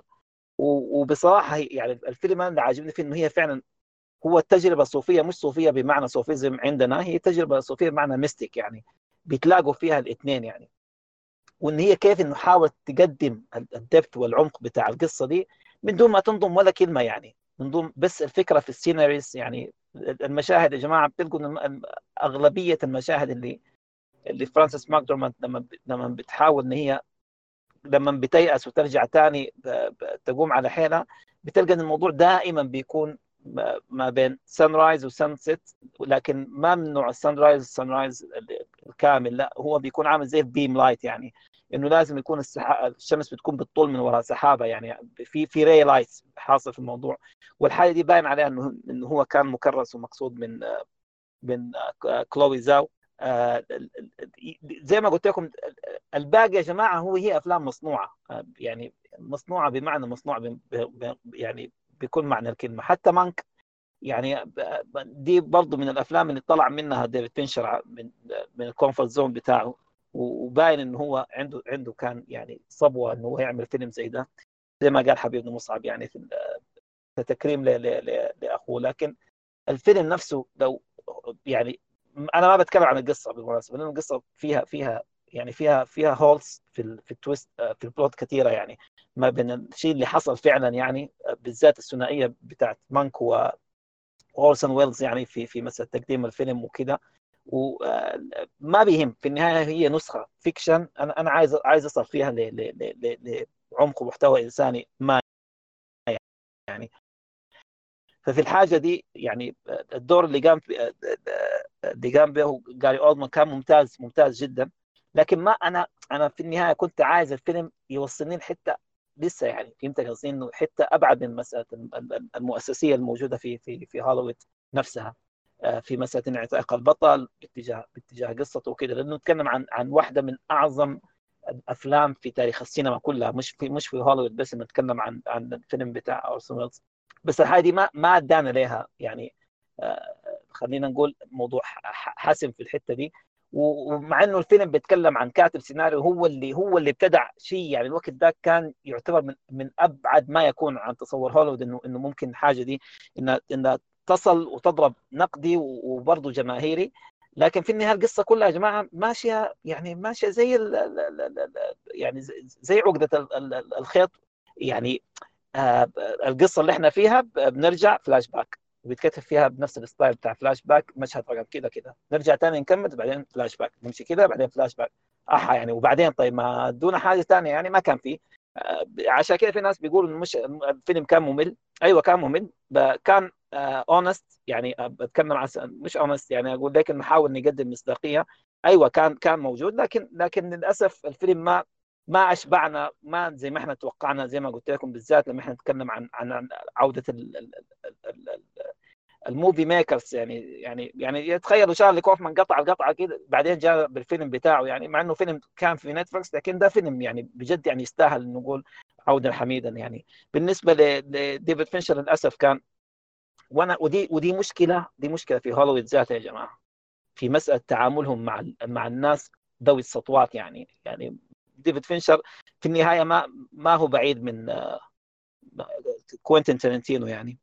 آه، وأنتم شايفين الحاجة اللي حاصلة دي. آه، ال- ال- الموضوع بتاع بتاع ال Wolfwalkers يعني بس غير غير غير Secret of Kells بالمناسبه ترشح أوسكار بعديه هو ثاني ترشح أوسكار عن عن ده الفيلم أنا حبيته خالص اللي هو Songs of the Sea وبعدهم يعني أنتم متخيلين إن الموضوع ده consecutive كده بيتكلم عن في خلال أربع سنين أو خمسة سنين آه، أخذوا أخذوا ثلاثة ترشيحات للأوسكار في, ال- في ال- وزي ما قالت ميهات إنه خلينا من موضوع من موضوع إنه هو Irish إنه إنه هو كان يت- يتقدم آه، القصة ب 2D animation حتى مش في مفهوم في مفهوم القصة والتحريك في مفهوم التصور ذاته يعني آه، اللي عملوه هو اللي خلاهم يعني يا جماعة إحنا لما نتكلم عن الناس زي ديل يعني Secret of Kells ما كان في زول عارف عنهم حاجة بالمناسبة.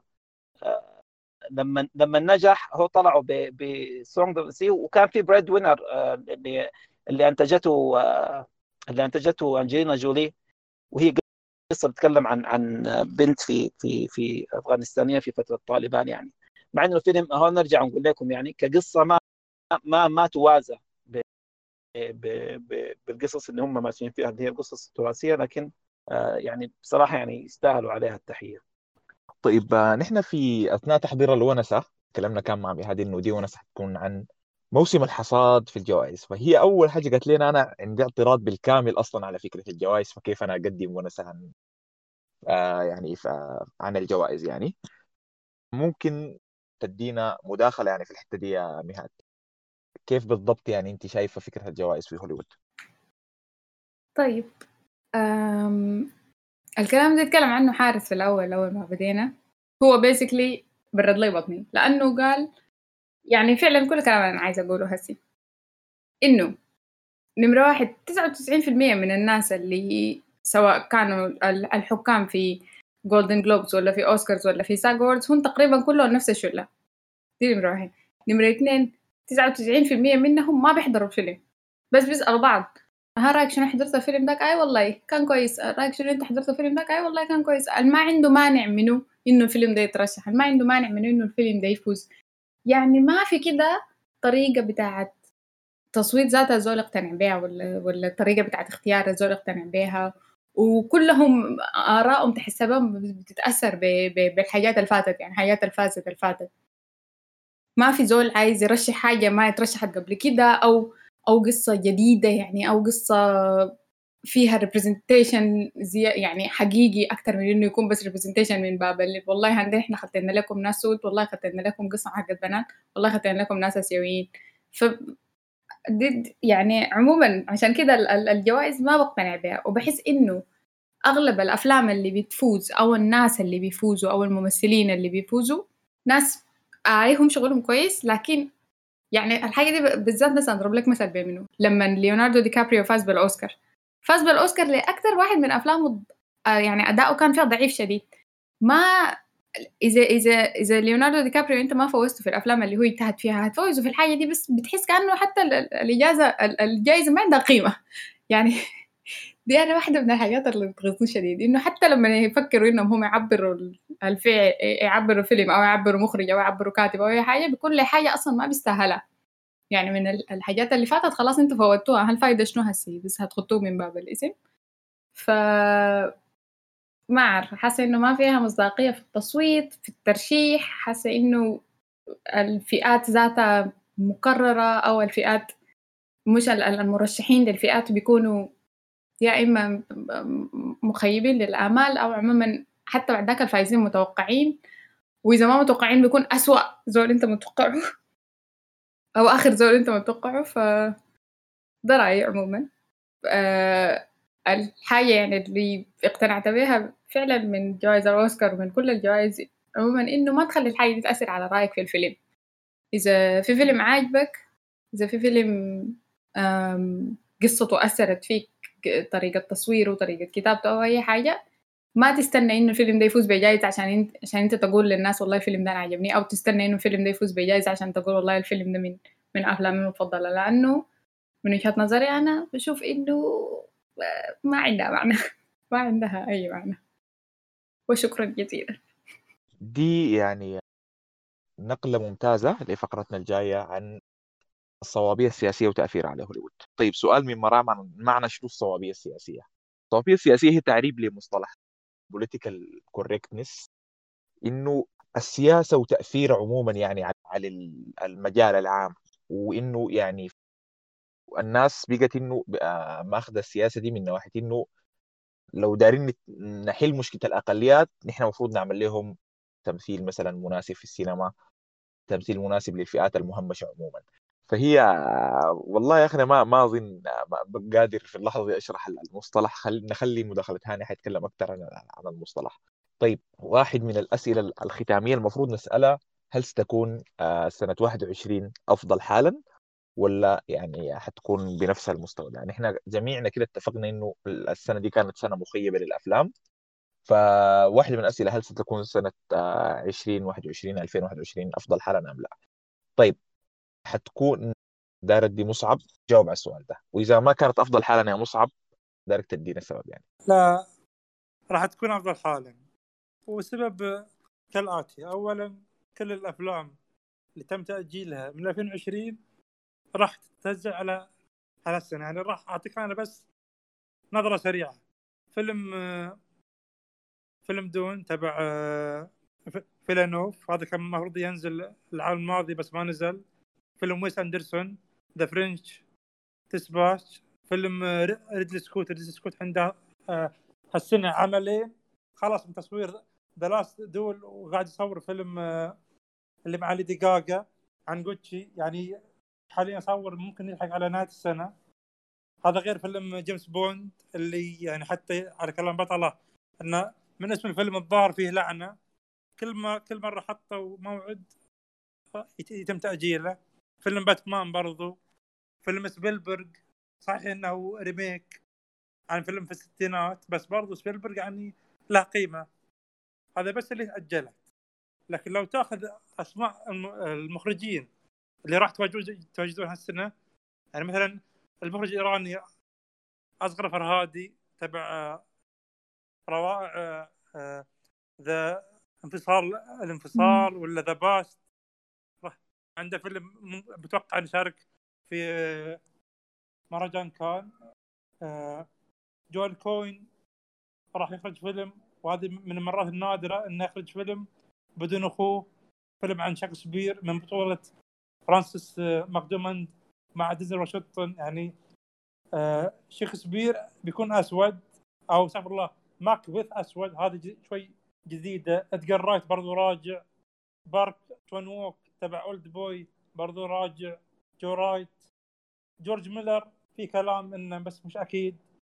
عندك آه باولو باولو سورنتينو من يناير أو من قبل أعلن ان فيلم القادم على نتفليكس. وهذا already قاعد يصور في نفس مدينة ولايه نابولي. يقول لك انه آخر مرة صور في نابولي قبل 20 سنة.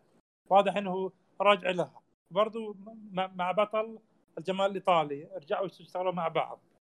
برضو آه، بوليش ريدر كاتب تاكسي آه، درايفر عنده فيلم خلص تصوير بس متبقي إنه يعرض آه، متى موعد عرضه؟ تاكي واتيتي جيرمو ديل تورو تايلي شريديان جاي ريتشي. صحيح أفلامه ما هي واو بس تظل تظل ممتعة. تورناتوري عنده فيلم عن وثائقي عن الروح الموسيقي إنيو موريكوني. برضو آه، المخرج المكسيكي اللي أخرج The Revenant راح راح بالي اسمه. برضو قاعد يخرج فيلم تبع نتفليكس. أعتقد اذا ماني غلطان. برضو راجع للمكسيك. تيرنس ماليك. وأعتقد شفتوا أنتم الأعمال اللي أعلنتها نتفلكس انه فيلم كوميدي من قيادة ديكابريو مع جينيفر لورنس وبرضه في فيلم آه، لا إله إلا الله تبع اللي مخرج The Fighter برضه عندك فيلم كوميدي بقيادة نجوم كثر. إلا شوف شوف كل هالأعمال والأسماء إحنا منتظرين انه بيكون يعني أسماء كبيرة. ويعني أتوقع إن هالسنة ممكن تكون أفضل من سنة 2019 إلا إذا كورونا حكمت احكامها وقالت حبيبي خلني أجل كل شيء لسنة 22 إحنا دافعين ملايين ما نبغى نخسر. مع انه ترى على فكرة آه شركة آه بارامونت أعلنوا عن خدمة بارامونت Plus. يعني وراح راح يصدرون فيها Mission Impossible و A Quiet Place. إنهم قالوا راح ننزلها على هالخدمة. فالسؤال الآتي هل خدمات البث هل هي راح تنقذ السنة ولا لا؟ هنا ننتظر ونشوف. لين مارش القادم راح يبين. آه مهاد حنوجه لك نفس السؤال بالنسبة لي الأفلام آه، هل ستكون سنة 2021 أفضل حالا؟ وليه في رأيك؟ أيوه هتكون أفضل حالا بإذن الله إن شاء الله. أنا متفقة مع مصعب في الكلام ده لأنه نمرة واحد الليستة اللي هو قالها دي كلها يعني مش حمستني ل 2021 نمرة اثنين فعلا في في السنة اللي فاتت كان في كمية من الأفلام اللي الناس كانوا متحمسين لها شديد اللي أنا كنت متحمسة لها شديد للأسف. اتأجلت ولحد هسي ما معروف اللي هيحصل عليها شنو.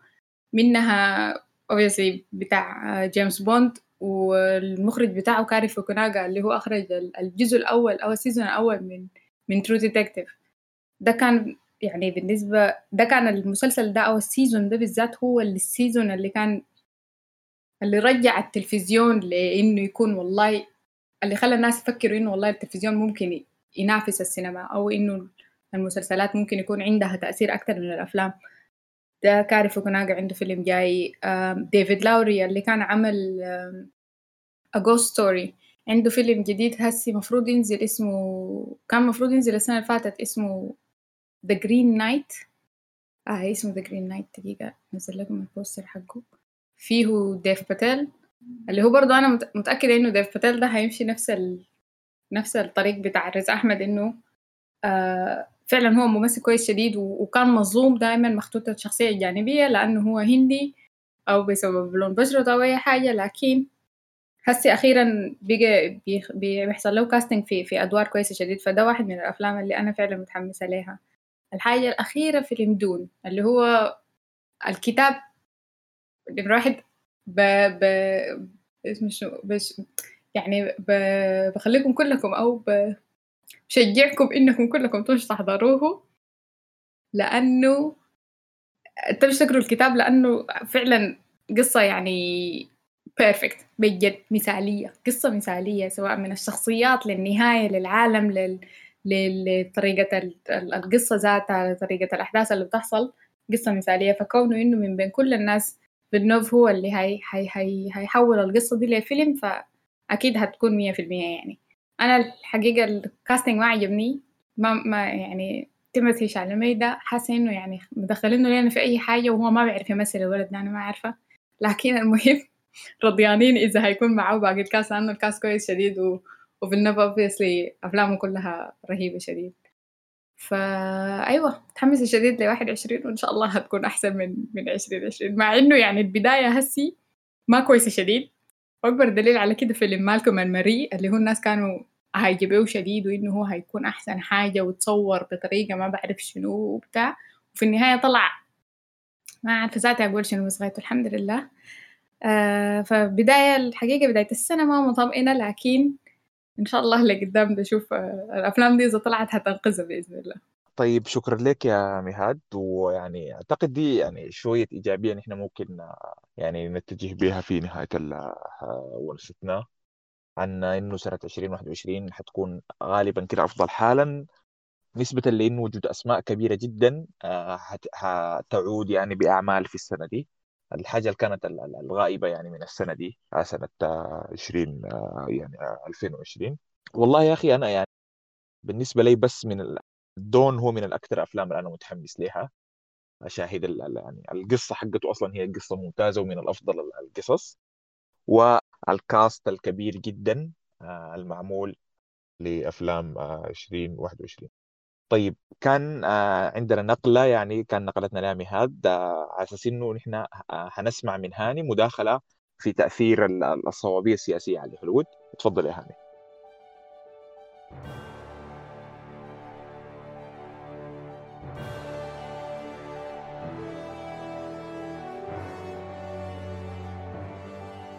كم مري ممتاز ممتاز جدا يعني.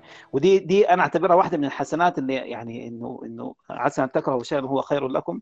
دي واحدة من الحسنات إنه إنه الناس آه، يعني في ال mindset بتاعها محتاجه إن هي تعيد آه، يعني وقفتها مع نفسها في يعني أنا عايز أنا منتظر من السينما شنو. ومن بركات كورونا يا جماعة يعني يعني ال- ال- اللي حصلت وهلت علينا.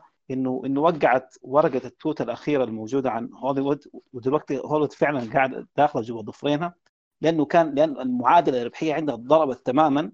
كويس. وبعد كده أدت كل ذي حق حقه يعني. آه بتاعت اكوان مارفل ودي سي والهاتج ده كله يا جماعة ده مشوا مشوا بقوا يت- يت- يتعرضوا بي بي بي وده يعني ده المفروض ده ده حقهم يعني من الأول لكن كان عشان المعادلة المالية كان هي بتنزل على على صالات سينما وبلاك باسترز وحقق المليار وضرب حاجز المليار في الصين وضرب حاجز المليار في في شمال آه، آه، انتركاتيكا والكلام الفارغ ده كله.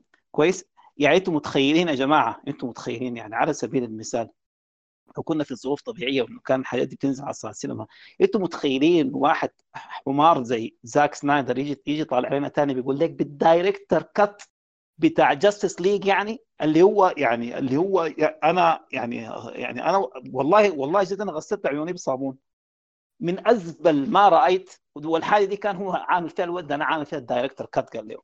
هو لو بيقدر يخدمنا خدمة عمره كمان يعمل يعمل يعمل كمان director's cut ثالث. ويعمل delete لكل ال career اللي هو عمله بيكون كده ريحنا يعني.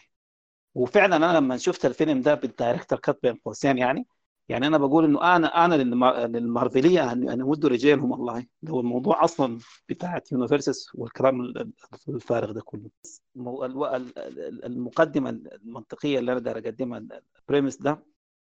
إنه يكون آخر حاجة لأنه لأنه لأن أنا ما عايز أطمن بطونكم يعني. إنه هو 20 21 21 حيكون فيلم آه، في سينما ممتاز وما أعرف شنو. لا تحلموا بعالم سعيد يا جماعة ففي خلف كل هوليوود في هوليوود أزبل منها يعني وحتتزبلوا بها يعني لما لما لما تعرفوا إنه الله حق يعني. أوكي؟ الكلام لا ده لا. لك كده استمر لا استمر. خلاص الكلام ده الكلام ده معلش الكلام ده مش مش مش إنه إنه جاي عن عن زعل يا جماعة. آه، يا هو المنطقة اللي بتاع عندك كلب. إذا إذا قلنا إذا قلنا إنه إحنا نفس المثالية بتاعتنا اللي كان في 2019 إنه سنة حتمر من حياتنا وبعد كده ترجع الحياة كما كانت مع شو وكل مرة بناخذ موجة وناخذ على قفانا وثاني بنقول سنة ثانية حتروح بعد كده حترجع الحياة لطبيعتها أوكي؟ بنفس الفهم ده يا جماعة هوليوود حاليا هي نفس العواره بتاعتها. الفرق إنه هوليوود عندها القوة والسطوة إن هي إن هي تعيش الناس في أمل كاذب أحسن وما عارف شنو مع الن- الناس دي بس مفلسة حالتها صعبة مفلسة. أسي الشبكات وال PPVs subscription اللي طلعت دي يا جماعة ده جزء كبير حل حل المشكلة عندهم. لكن هي ما مشكلة هي مشكلة بتاعت برستيج اولا ودي دي الورقة اللي أنا أقدمها بعد لو لو لو سمحتوا لي بداية بس عشان عشان أنا ما عشان أنا ما أنسى إنه سنة 20 21 حتكون سنة ممتازة وما أعرف شنو يعني. يا أخي خد طلعوا ورقة وقلم يا جماعة. أوكي من أسي هذا إحنا إحنا الليلة كم؟ الليلة 30 مارس أوكي؟ الأوسكار مش اللي جاي أسي الأوسكار اللي بعد سنة وشوية ده أوكي؟ عندك Killers of the Flower Moon حيترشح أقل حاجة لخمسة أوسكارات. عندك No Time to Die بتاع جيمس بوند حيت- حيترشح أقل حاجة لثلاثة أوسكارات. عندك Dune حيترشح أقل حاجة لثلاثة أوسكارات برضو. How Do You Live أكيد بتاعت ميازاكي حترشح عن, عن أوسكار أفضل animation آه عندك الفيلم بتاع اللي لسه ما طلع عليه اسم بتاع مارتن ماكدونا. آه متوقع إنه حينزل ده حيترشح أقل شيء في سلة بتاعت ست أوسكارات. أها. يعني آه، ده اللي بيرجعني لل- لل- لل- للكلام عن اولا إحنا يا جماعة ما إحنا طبيعي انه إحنا يكون عندنا إحنا سوء يعني افكشنز لهوليوود. ليه؟ لأنه لأنه إحنا إحنا يعني تربينا على أفلام هوليوود أصلا. بس أنا أنا عندي مشكلة حاليا إنه ودي الورقة اللي أنا مقدمها اسمها الصحوبيه السياسيه شاهد قبر هوليوود. ليه؟ لأنه اولا آه، آه، قبل كل حاجة إنه إنه إنه اللي أنا بعد ما عاينت كده لتاريخ هوليوود مما بدأ يعني لحد لحد أسي كويس بالثلاث أجزاء بالجزء الجماهيري والجزء النقدي والجزء بتاع ال management وبتاع الإدارة نفسه. لقيت إنه كل ما يعني كل ما هوليوود بيطلعوا بيشموا لهم هوا في سابع سما كده بيجوا واقعين لسابع ليه؟ لما يقوموا العجائز الدبابير بتاعهم ال WASPs ال white Anglo-Saxons Protestants أوكي؟ بيقولوا يا أخي راح نعمل كنتة جديدة يعني. الكنتة دي هي هي كنتة سافلة. ما لها علاقة بال بال بال بال, بال ما لها علاقة بال بال time frame ولا لها علاقة بال art form اللي بتقدم في السينما. لها علاقة بما يحصل ورا في ك PR وأروقة وكده. آه معلش. آه طيب. ال ال ال ال ودي أنا هرجع يعني أنا هقولها بالتفصيل. فيعني يعني حلمكم معايا يعني. طبيعي يا جماعة إنه أي إنه أي آه يعني بلاتفورم بتاع منصة بتاعت مهرجانات آه قائمة على نقد واختيار. انه يكون فيها جدل.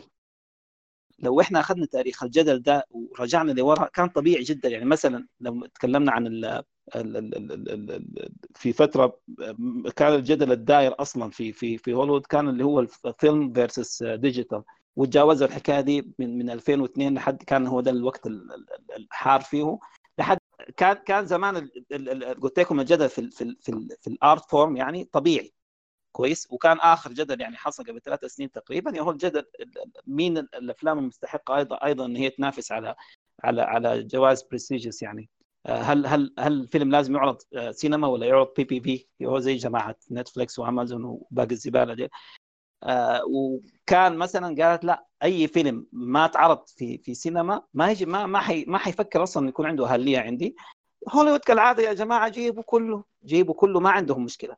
اللي أنا داير أقوله إنه الجدل لما يكون في ال art form يعني في, ال mindset بتاع ال art form حاجة طبيعية خالص. لكن اللي بيحصل مع كل قمة وقاع آه، موجودة في في هوليوود بيطلع لنا ال- ال- ال- الجلاكين بتاع ال WASP ديل إنهم بيجيبوا حاجة هي لا تمت لا للسينما بالصلة ولا بال... هو بيمت بال PR والصوابية السياسية آه، أكثر حاجة.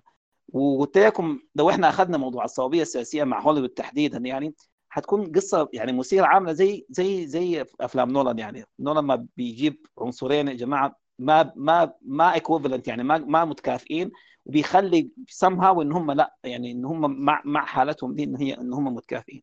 الصوابيه السياسية لما بدأت في في هوليوود بدأت من من الستينيات تقريبا.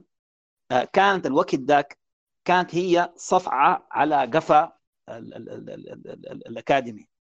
إنه إنه إنه إنه كان الصوابيه السياسيه انه هو كف بياخذوه ناس هوليوود من الفنانين على أساس يوروكم يوروا هوليوود يعني يعني جحرك أنت قاعدة وين أصلا يعني؟ إنك أنت بتسوق للعالم إنك أنت تبع حرية وعدل ومساواة وزفت الطين لكن أنت أنت أنت ولا حاجة جنبيهم. لو بنتذكر مثلا بنلقى إنه مارلون براندو لما لما أخذ آه، الأوسكار حق أحسن ممثل عن عن عن The Godfather واعتذر انه هو يستلم الجائزة. بدل من كده انه هو قدم واحدة اللي هي كانت آه، أنا نسيت اسمها والله حتذكره بعد شوية إن شاء الله. آه، اللي هي جد قدم خطاب خطاب آه، استلام الجائزة وكانت بتتكلم عن قضيتها هي كنيتف أمريكان وبتحاول إن هي تقول إن أنا الوقت ذاك طبعا يا جماعة في 79 تقريبا كان في حوالي 80 90 مليون بيحضروا ال- ال- ال- الأوسكار. فهي بتقول إن أنا بقدم الرسالة دي آه، حاليا إنه تلتفتوا لنا ولحقوقنا وإلى وإلى وإلى وإلى. الكلام ده كان في في في عقر دار هوليوود آه، قاعد يحصل الكلام ده وبيتلطشوا على الهواء مباشرة. آه، ال- ال- ال- الصوابية السياسية لو إحنا أخذنا مثلا على سبيل المثال لا الحصر يعني جودي فوستر بعد career بتاع 50 سنة طلعت في في 2013 أعتقد لما اخذت الجائزة بتاعت آه، سيسيل ديميل آه، آه، اللي هو ال honoring التشريف بتاعه قالت يا جماعة أنا هسه حقول كلام المفروض أقوله من زمان لكن حسي أنا حقوله إنه يعني I'm lesbian يعني. أوكي وإن الحاجة دي أنا كنت مخبياها وبحاول ان أبعد الحاجة الشخصية دائما اللي بتمس بتمسني مع مع إنه تتعاطى في الإعلام وكذا يعني. بعدين طبعا لما سألوها إيش معنى هسه بعد كم 50 سنة يعني؟ قالت قالت يا جماعة أصلا لو كان الحاجة دي أنا يعني اتعرفت عني أنا ما كنت حاخذ أدوار نهائي. فبقى الموضوع زي ما قلت لكم موضوع الصوابية السياسية كان بيبدأ من تحت عشان عشان يتكفتوا فيها الناس اللي فوق. الظاهر الناس زي من كثرة التلطيش وقع عليهم إنه حياتهم كلها لازم تدور في فرق الصوابية السياسية. آه لو إحنا أخذنا على سبيل المثال يعني كان من أهم الديبيتس اللي حصلت كان آه، أعتقد الأوسكار بتاع 2000 2001 آه، السنة اللي قبالها طبعا كانوا دائما ال Afro-Americans بين فترة والثانيه بيعملوا boycott وبيقاطعوا وبيقاطعوا بي- بيحاولوا إن هم يقاطعوا هوليوود لأنه هوليوود ما قاعد تعبر لنا وما قاعد ما قاعد ترشح أفلامنا لل Academies مش عارف شنو كلام زي كده يعني. آخرها كان في 2016 أظن يعني. الوقت ده كان في حملة زي دي آه، طلع مين يتكلم فيها؟ طلع يتكلم فيها دينزل واشنطن. وقال كلام كثير يعني إنه ال Academy وانتوا وانتوا إلى متى ومش عارف شنو الكلام الفارغ وال... وال... وال... يعني المهم أداهم من الطيب نصيب. آه، السنة اللي بعديها ترشح هو و... عن أفضل ممثل وهو وراسل كرو. راسل كرو كان عن عن Beautiful Mind مقابل آه، دينزل واشنطن اللي هو كان ال- الفيلم بتاع فاكوا اسمه شنو؟ Training Day okay؟ آه، يعني يا جماعة والله العميان بيعرف إنه إنه راسل كرو بجد آه، هو اللي بيستاهل وهو الأحق إنه هو ياخذ الجائزه دي بكل المعايير لأنه أدى دور من الادوار الخرافية. لكن اللي حصل شنو؟ إنه إنه لا إنه عشان آه، أخونا دينزل لعن سنسفيرهم السنة اللي فاتت okay خلينا نديها لهم وهكذا دواليك أنا بقول لكم طالما ال debate إنه في النهاية بيكون في tangling أو أو إنه في اشتباك أو ارتباط مع مع ال art form ما في مشكلة. لكن لما يستقل الموضوع كله بحيث إنه بيبقى عمامة على على هوليوود على أساس إن هي آه، إن هي توجه ال art form هنا المصيبة هنا المشكلة يا جماعة. عشان كده أنا بقول لكم يعني لا تحلموا بعالم سعيد. مما طلع الزفت الاعلان بتاعهم اللي هو السنة السنة دي إنه قالوا ثاني في لحد 2024 يا جماعة خلاص هذه شروطنا لأي فيلم على أساس إنه إنه إنه إنه يقبل وانه يكون عنده ترشيحات في الاكاديميه هذه الشروط واحد اثنين ثلاثة أربعة. اللي هي أهو لازم يكون في تمثيل لل BGTQ لازم يكون في تمثيل لناس من من فئة ال ال الاحتياجات الخاصة. لازم يكون في تمثيل من ثمانية جنسيات واحد اثنين ثلاثة أربعة خمسة ستة سبعة ثمانية. يا جماعة يعني استهدوا بالله. يعني يعني مثلا زي فيلم The Room اللي اللي اللي ترشح عن عن ثلاث أربع أوسكارات كان قبل هو مره وشافع الفيلم ده عشان يعاد ترشيحه أصلا بالفهم الحيوان ده في في 2024 معناه إنه لازم يكون في مشهد من المشاهد يعني الولد وأمه بتقوم الكاميرا تمشي يطلع لنا في شهادة جينية عشان لازم الولد ده يطلع إنه هو مخلط بمكسيكي على إيرلندي على بلاك على هنا عشان الفيلم ده يكون مقبول يعني. يعني دي شنو السفالة يعني أصلا؟ كويس؟ الأفلام بتاعت بتاعت ال closed environments يعني أفلام السجون أنسى أفلام المحاكم أنسى أفلام. يعني ده شنو الهبل اللي هم بيعملوا فيه ده؟ فالفكرة دي أنا أنا يعني أنا زي ما قلت لكم أنا كان عندي تحسس أصلا من هولندا لحد 2019 أنا ما بقيت يعني الأوسكارز ما بقيت ما بقيت أشوفها والله ما اكذب عليكم ولا ولا بقيت أهتم أهتم بها. العكس تماما لما إحنا نتكلم عن حاجة prestigious وبيتقدم. شوفوا البافتا يا جماعة. يلعن أبو الأوسكار يا أخي يا أخي شوفوا البافتا.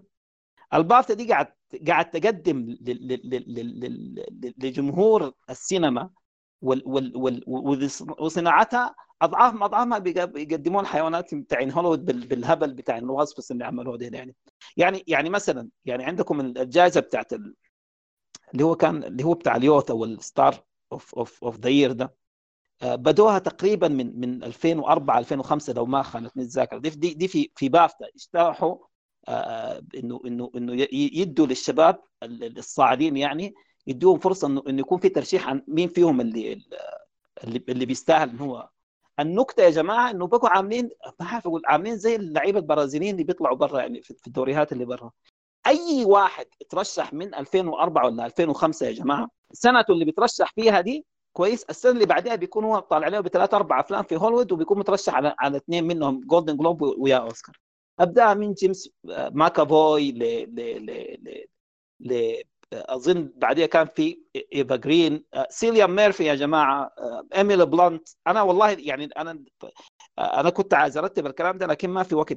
توم هاردي كويس. آه والله لا آه في من الأخيرين دي هو آه صاحبك اللي اسي ترشح لأوسكار. آه داني كالويا. أعتقد في يعني سنته طلع كده عمل هنا اخذ الترشيح ده. طوال طلع له بثلاث أفلام. ترشح عن عن عن عن عن Get Out وهذا مترشح بيتكلم هو أمريكي كمان مش الدور بتاعه إنه هو أمريكي يعني. كويس؟ آه خد معاهم آه جون بوييجا خد معاهم توم هولاند هم الفكرة إنه إنه إنه بافتا بقت هي اللي تصدر. وهوليوود هي اللي قاعد تستهلك. السجمانة الفقران اللي ما عندها حاجة بقت هي اللي قاعد تستهلك.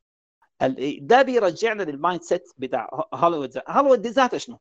إحنا معلش يعني تكلمنا عن سينما أمريكية، السينما الأمريكية كانت سينما تجارية زيها زي السينما المصرية زي السينما الهندية، ما كان فيهم فرق يا جماعة.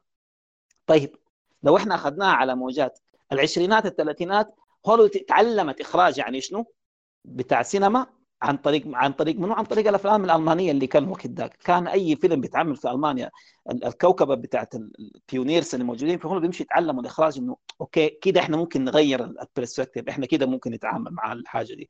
الحاجة خلصنا من الإخراج لو جينا لحد الخمسينات الستينات اتعاملوا مع الموضوع بتاع الواقعية الإيطالية وبتاع الموجة الفرنسية الحديثة إن هم كيف إن هم يعيدوا كتابة القصة وال perspective بتاعها عشان عشان يدينا حاجة غير الحاجة السائده اللي كانت موجودة في في هوليوود.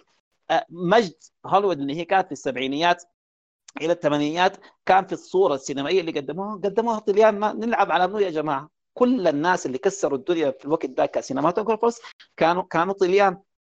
الحاجة الوحيدة اللي ممكن أديها انه كسينما أمريكية هوليوودية كانت متفوقة لها فترة التسعينيات يعني. لحد ها لحد بداية ال- ال- ال- ال- ال- الألفينات. دي دي دي, دي كانت سينما أمريكية بامتياز يعني عندها عندها هوية وعندها identity وقاعد تقدم حاجة حاجة فعلا يعني ك contribution قدام السينما السعوديه والسينما الآسيوية والسينما هنا. كان كان عندهم حاجة. الباقي كله يا جماعة هذا عبارة عن عن جلاكين في في في دكان وبيجيبوا الناس ديل وبيدفعوا لهم قروش. وما كان عندها مشكلة آه، هوليد الوقت ذاك. لأنه طالما المكنة هي ماشية أنا قصدي يعني ربحيا ونقديا كويس؟ كان هوليوود من من كم 30 يا جماعة لحد ما وصلنا نهايه الألفية كان عندها عندها فهم يهو حكاية آه، بتعلم واجيك دي ما عندها مشكلة إن هي تتعلم. بالعكس هي كانت بتسعد وتطرب لما هي تتعلم وبتجيب الناس ديل وتديهم أوسكارات ويجيبوا لهم مليارات أوكي؟ وإن هم حاليا هم ماسكين art form قاعدين قاعدين يقدموه. كويس؟ لكن للأسف الشيء زي ما قلت لكم في كل ما بين يعني قمة وقاع بيطلعوا لكم الوسخ أولاد الكلب ديل يعني.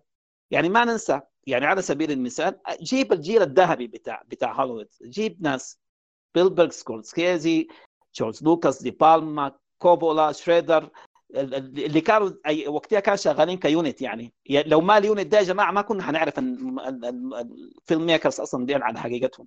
كويس؟ أي واحد منهم كان بيقول أنت قاعد تتفرج في شنو؟ بيجي يقول لك أكيرا كوروساوا أنا قاعد أتفرج في فلان وعلان وعلان اللي هم ولا واحد منهم بيكون أمريكي. فكان الفكرة دي حكاية إن أنا أتعلم وأجيك دي كانت حاجة حلوة أصلا موجودة عند هوليوود إنه هي إن هي حاليا إن هي ثقافتها أمريكية عالمية يعني. لحد ما وصلنا في. في. بداية الألفينات يا جماعة كل الأفلام ثلاث ولا أربع سنين كل الأفلام اللي قاعد تترشح بتكسح في في في في هوليوود في الترشيحات كانت أفلام إنجليزية إنتاج إنجليزي ممثلين إنجليزيين قصص إنجليزي وأي حاجة خلصنا من دين جينا على بداية ال 2010 وأنت ماشي جد جد دور لل- للسينما لصناع الأفلام المكسيكيين ناس جيرمو دول تورو واناريتو وألفونسو كوارون و- و- و- ولوبيزكي والجماعة ديل. في في خمسة ولا ستة سنين طلعوا لهم أكثر من 14 جائزة بتاعت أوسكار يا جماعة. أوكي؟ وفعلا غيروا ال mindset بتاعت الصورة أصلا في في في في فهم في فهم ال- ال- ال- المتلقي لسينما حديثة يعني شنو. كويس؟ وكنا بنمشي ما مشكلة. كان حاجة حلوة والله. كانت حاجة حلوة لذيذه يعني كان أنا بعتبر إنه الأوسكار بتاع 2019 من أجمل الأوسكارات اللي, كانت موجودة بالنسبة لي أنا شخصيا. يعني ليه؟ لأنه لأنه يعني تخيلوا في ال في ال في ال في ال category بتاع بتاع الأفلام الأجنبية انه انه إنه الخمسة من خمسة أفلام أجنبية اترشحت لأحسن أفضل فيلم أجنبي كان في ثلاثة منهم يا جماعة في نفس الوقت مترشحين لأفضل cinematography يا أخي دي حاجة ما حصلت. وهي السنة اللي طلع فيها روما لما جاء ألفونسو كوارون اللي هو كان خلينا نقول نجم صاعد في هوليوود إنه هو قرر إنه هو يعمل المشروع والفيلم اللي هو عايز يعمله. كويس؟ عن خدامته أو أو أو طيب مديرة منزلهم يعني اللي اللي كان عاش معاه في فترة من من, من احرج الفترات في التاريخ المكسيكي الحديث. أوكي؟ إنه يعمل فيلم زي ده زي ما قلت لكم زاندي تقريبا هي حاليا هي هي الفونسو كوارون بتاع بتاع 2021 لأنه لأنه لأنه ترشح عن أفضل فيلم أفضل مخرج أفضل سيناريو وأفضل هو هو لحاله ما بتكلم عن باقي الفريق. وأهم حاجة أفضل cinematography لأنه الوقت ذاك لوبيزكي اتعذر فقام هو اللي مسك الكاميرا هو اللي الأصالة دي يا جماعة دي الحاجة اللي كانت اللي فاقداها هوليوود اللي كانت بتقول لأ أنا بال universes اللي أنا قاعد أعملها وبالسفارة اللي هي قاعد ترجع لها دي هي هي الفكرة بتاعتها قائمة على الصوابية السياسية. جيب لك أي شخصية من الأفلام بتاعتها اللي هم already شغالين فيها بتلقى هذا. إنه إنه أوكي في في في في في في تنوع في الجندر في تنوع في ال في ال في في ال sexual orientation في تنوع في ال في ال في ال في ال في ال ethnic يعني. أوكي؟ لكن التنوع بتاع شنو يا جماعة؟ هم عاملين زي زي زي الملابس اللي بتشوفها في فاترين وأنت جاي في محل يعني. يعني شيء بالي يا جماعة شيء بالي وللأسف الشديد إنه إنه حاليا هي ال academy هي اللي قررت الآن إنه 2024 ما عندكم أفلام فيها واحد اثنين ثلاثة أربعة ما في زول ما في زول يجينا. دي دي قلة الأدب بتاعت الوسخ. يعني والحاجة دي مثلا لو أخذناها على سبيل المثال في ال في ال animation آه بيكسر لحد ما انتهى عقدها الاستقلالي بعيدا عن ديزني اللي هي 10 سنين. وفي الحاجة الواحد نفسه يترحم على ستيف جوبز لأنه أحسن حاجة عملها ستيف جوبز هي دي إنه هو حافظ على على بيكسر من دون من دون ما هي تدخل تحت أباط آه، ديزني لمدة 10 سنين. بعد ما رجعت لديزني كويس. تعالوا شوفوا أربع ولا خمس سنين كان من الترشيحات. يا أخي في أفلام غيرت ال concept بتاع بتاع بتاع ال animation أوكي؟ في المقابل كل فيلم بيطلع بيتدكى عشان يطلع له فيلم تافه من أفلام ديزني أوكي؟ يا أخي زوتوبيا آه يترشح وياخذ أحسن أحسن أوسكار عن عن ال animation آه زفت الطين بتاع بتاع Toy Story 4 ولا ما عارف يعني. يلا الوقت ذاك القصة بكون متغيرة خالص في كل الأفلام اللي مترشحة على على ال animation تلقى ده يقول لك يا أخي إنه طلعنا بانه في السيرفرات بتاعتنا إنه في ال rendering بقينا حركنا في هذا المشهد أكثر من مية ألف شعرة كل واحد يتحرك. أنا مالي ما شعرك يا أخي الله يحرق شعركم يا أخي. ده ده الفهم اللي تغير اللي اتعلق في في في في مفهوم. لما بيقولوا بيقولوا بيقولوا فيلم هوليوودي بيكونوا عارفين الحاجات دي إن هي واحد اثنين ثلاثة ما بتتغير يعني. آه فوق ده آه، ما دام الشيء بالشيء يذكر تعال شوفوا سفالة ديزني يعني أوسخ ناس في الصوابيه السياسية حاليا رجعوا لكل تاريخهم. كل تاريخهم اللي بدوه اللي اتعرفت فيه ديزني يعني لما كان ديزني في في عزها بقوا يعملوا يعملوا remaking بتاع الصوابيه السياسية. أحا! أحا. الفيلم اللي يكون مشى وضرب وبقى وقع عند الناس كلهم بقى هم ده مشروعهم يا جماعة. زي زي ما زي ما ناس مارفل وقعوا على 23 فيلم في عقد واحد ديل برضه وقعوا على كم و20 فيلم كده يعني. إنه حيرجعوا أول حاجة صوابيه سياسيه إنه إحنا حنمسك كل الأجناس وال ethnic. وبعد ده حنرجع للحاجات ال Marvels بتاعتهم Okay؟ وإن إحنا نغير فيها ال rhythm بتاع بتاع ال sexual orientation على أساس البتاع. فالموضوع كله بقى للأسف الشديد يعني بقى ultimate turn off يعني وهو شيء أنا أنا بالمناسبة أنا بالنسبة لي okay شيء متوقع انه هو يكون في up and downs لكن الموضوع الأزمة حاليا إن هي طبقت دي على دي يا جماعة. الاستديوهات بقى ما عندها قروش والقروش اللي already دفعوها هذه اللي كانوا متوقعين إنه حتحقق وتسحق ال blockbuster مش عارف شنو أكلوا ووقعوا في الزبالة بس بيحاولوا يفتشوا عن عن عن محاولة لتغيير أو تنويع مصادر الدخل يعني بالنسبة لهم.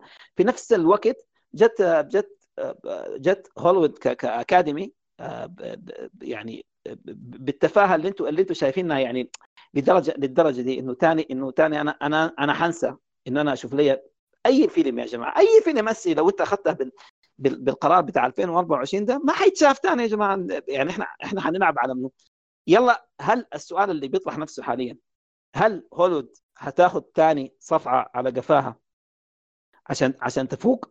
يعني زي زي زي الفيلم بتاع نوماد لاند يا جماعة لا يشبه هوليوود بأي طريقة ثانية والفيلم بتاع بتاع Nomadland ده يعني لو إحنا تخيلنا إنه حيتعرض في 2024 مستحيل. لأنه لأنه ناس ال trailers ديل هم ناس هم ناس whites يعني.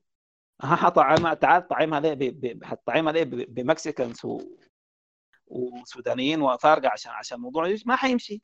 لأنه القصة ده, ده ال concept بتاعها. والفكرة الفكرة انه عظمة ال storytelling يا جماعة انه القصة مهما كانت مقفولة Okay ومهما كانت آه، يعني يعني يعني domestic انه كيف انه القصة دي ممكن ممكن تلامس الناس في كل العالم بكل اختلاف شعوبها وبكل اختلاف تواريخها يعني. ده, ده كان الفهم. لكن هوليوود بيقول لك لا أنا ما عندي كلام زي كده. على سبيل المثال يعني أنا أرجع وأقول 2019 كان كان كان سنة يا أخي من أرهب السنين على أساس النفس ده اللي أنا بقول لكم عليه اللي هو كان آه، بتاع بتاع الأفلام الأجنبية لأنه كان كل فيلم من الأفلام الأجنبية يعني طلع كفر نحوم على جنب. كان كان كان كان marvelous يعني كان كانت حاجة روعة يا جماعة كانت حاجة يا الله في منت... يا أخي كانت من أحلى سنين حياتي يا أخي الله يلعن أستغفر الله هوليوود اللي اللي جاته لما عليها. اللي حصل شنو؟ 2020 طوالي كويس؟ جاء Parasite أكل السوق كله يعني. و Parasite نفسه كفيلم أنا ما عندي مشكلة فيه. ما هذه ما دي دي مشكلة الصوابية السياسية في تقديم الجائزة نفسها. يعني لو أخذنا آه لو أخذنا دامين شيزال مثلا كويس؟ ترشح عن آه Whiplash أخذ الأوسكارات في في La La Land يعني الشيء بالشيء يا أخي يا أخي يعني الله يعفوه بالعقل. Whiplash اللي يطلع من من مولد بلا حمص وياخذها La La. Land okay؟ بعد ده حسين الفيلم بتاع بالمناسبة First Man ده اللي بتاع نيل أرمسترونج الزول ده يا أخي أدواته الإخراجية كانت يا أخي كانت أحسن 100 مرة من من من La La Land وسحبوا عليه كان شيئا لم يكن. الفهم بتاع بتاع بتاع آه، آه، Parasite كان تكريم للمخرج ما عشان الفيلم ده تحديدا عشان تاريخه وعشان الأفلام اللي عملها قبليها. من من آه، أول فيلم اللي هو بتاع 93 اللي هو آه، اسمه شنو يا أخي؟ يوميات الجريمة. أنا نسيته عموما. آه، الفيلم ده أنا أنا ليه زعلان؟ زعلان لأنه يعني يعني أكل الأوسكار. Parasite والسنة اللي كان Shoplifters طلع عن ترشيح بس في في أفضل فيلم أجنبي و Shoplifters هو عبارة عن عن Parasite ضرب ثلاثة يا جماعة وما أخذ حاجة. كويس؟ في في ده اللي أنا بقول لكم طالما كان الاختلاف في ال art form أنا ما عندي مشكلة. كويس؟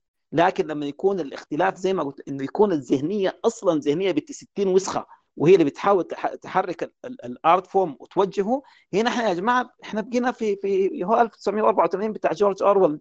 انت بتجبرني اجبار انه دي القصة يا هالقصه اللي المفروض تمشي على العالم كله. انت منو يا ابن الكلب عشان انت تحدد الحاجة دي. فعلا انت منو انت انت اللي بتقول أنا أنا أنا عندي وده وده اللي عملته. يخرب بيتك تاريخك كله يا أخي أنت تعلمت من الناس الثانيين أنا كنت بتعلم وبجيك يعني. هسه بقيت أنت اللي عامل فيها يعني المعلم. ولما بقيت معلم يا ابن الوسخة okay يا أخي يا أخي كلمني في ال art form. زي ما ناس بافتا فكروا إن هم يعملوا حاجة عشان تضيف للصناعة السينمائية؟ إنت ضيف لي حاجة عشان تضيف للصناعة السينمائية ما إن هي ما إن هي تاخذ تاخذ منها. أنا والله تكلمت كثير يا جماعة وأكثر من كده أنا حتلفظ شديد يعني فاعفوا لي. وإن شاء الله كده أكون يعني يعني ريحتكم بختام وهمسك عشان تطمنوا في سنة 2021 والقادم الأيام. الأفلام العظيمة اللي حنستناها من من هوليوود. وشكرا جزيلا. والله مولانا هاني لا حديث بعد حديثك. أعظم ختام للجلسة. في الختام بش بحب أشكر كل الناس اللي تحدثوا اليوم. أخونا مصعب عبد المحسن. مهاد الطيب. هاني كتاوي وحارس أحمد. آه، محدثكم عمرو الصادق. وأشكركم على حسن الاستماع. ونلاقيكم في جلسات ثانية.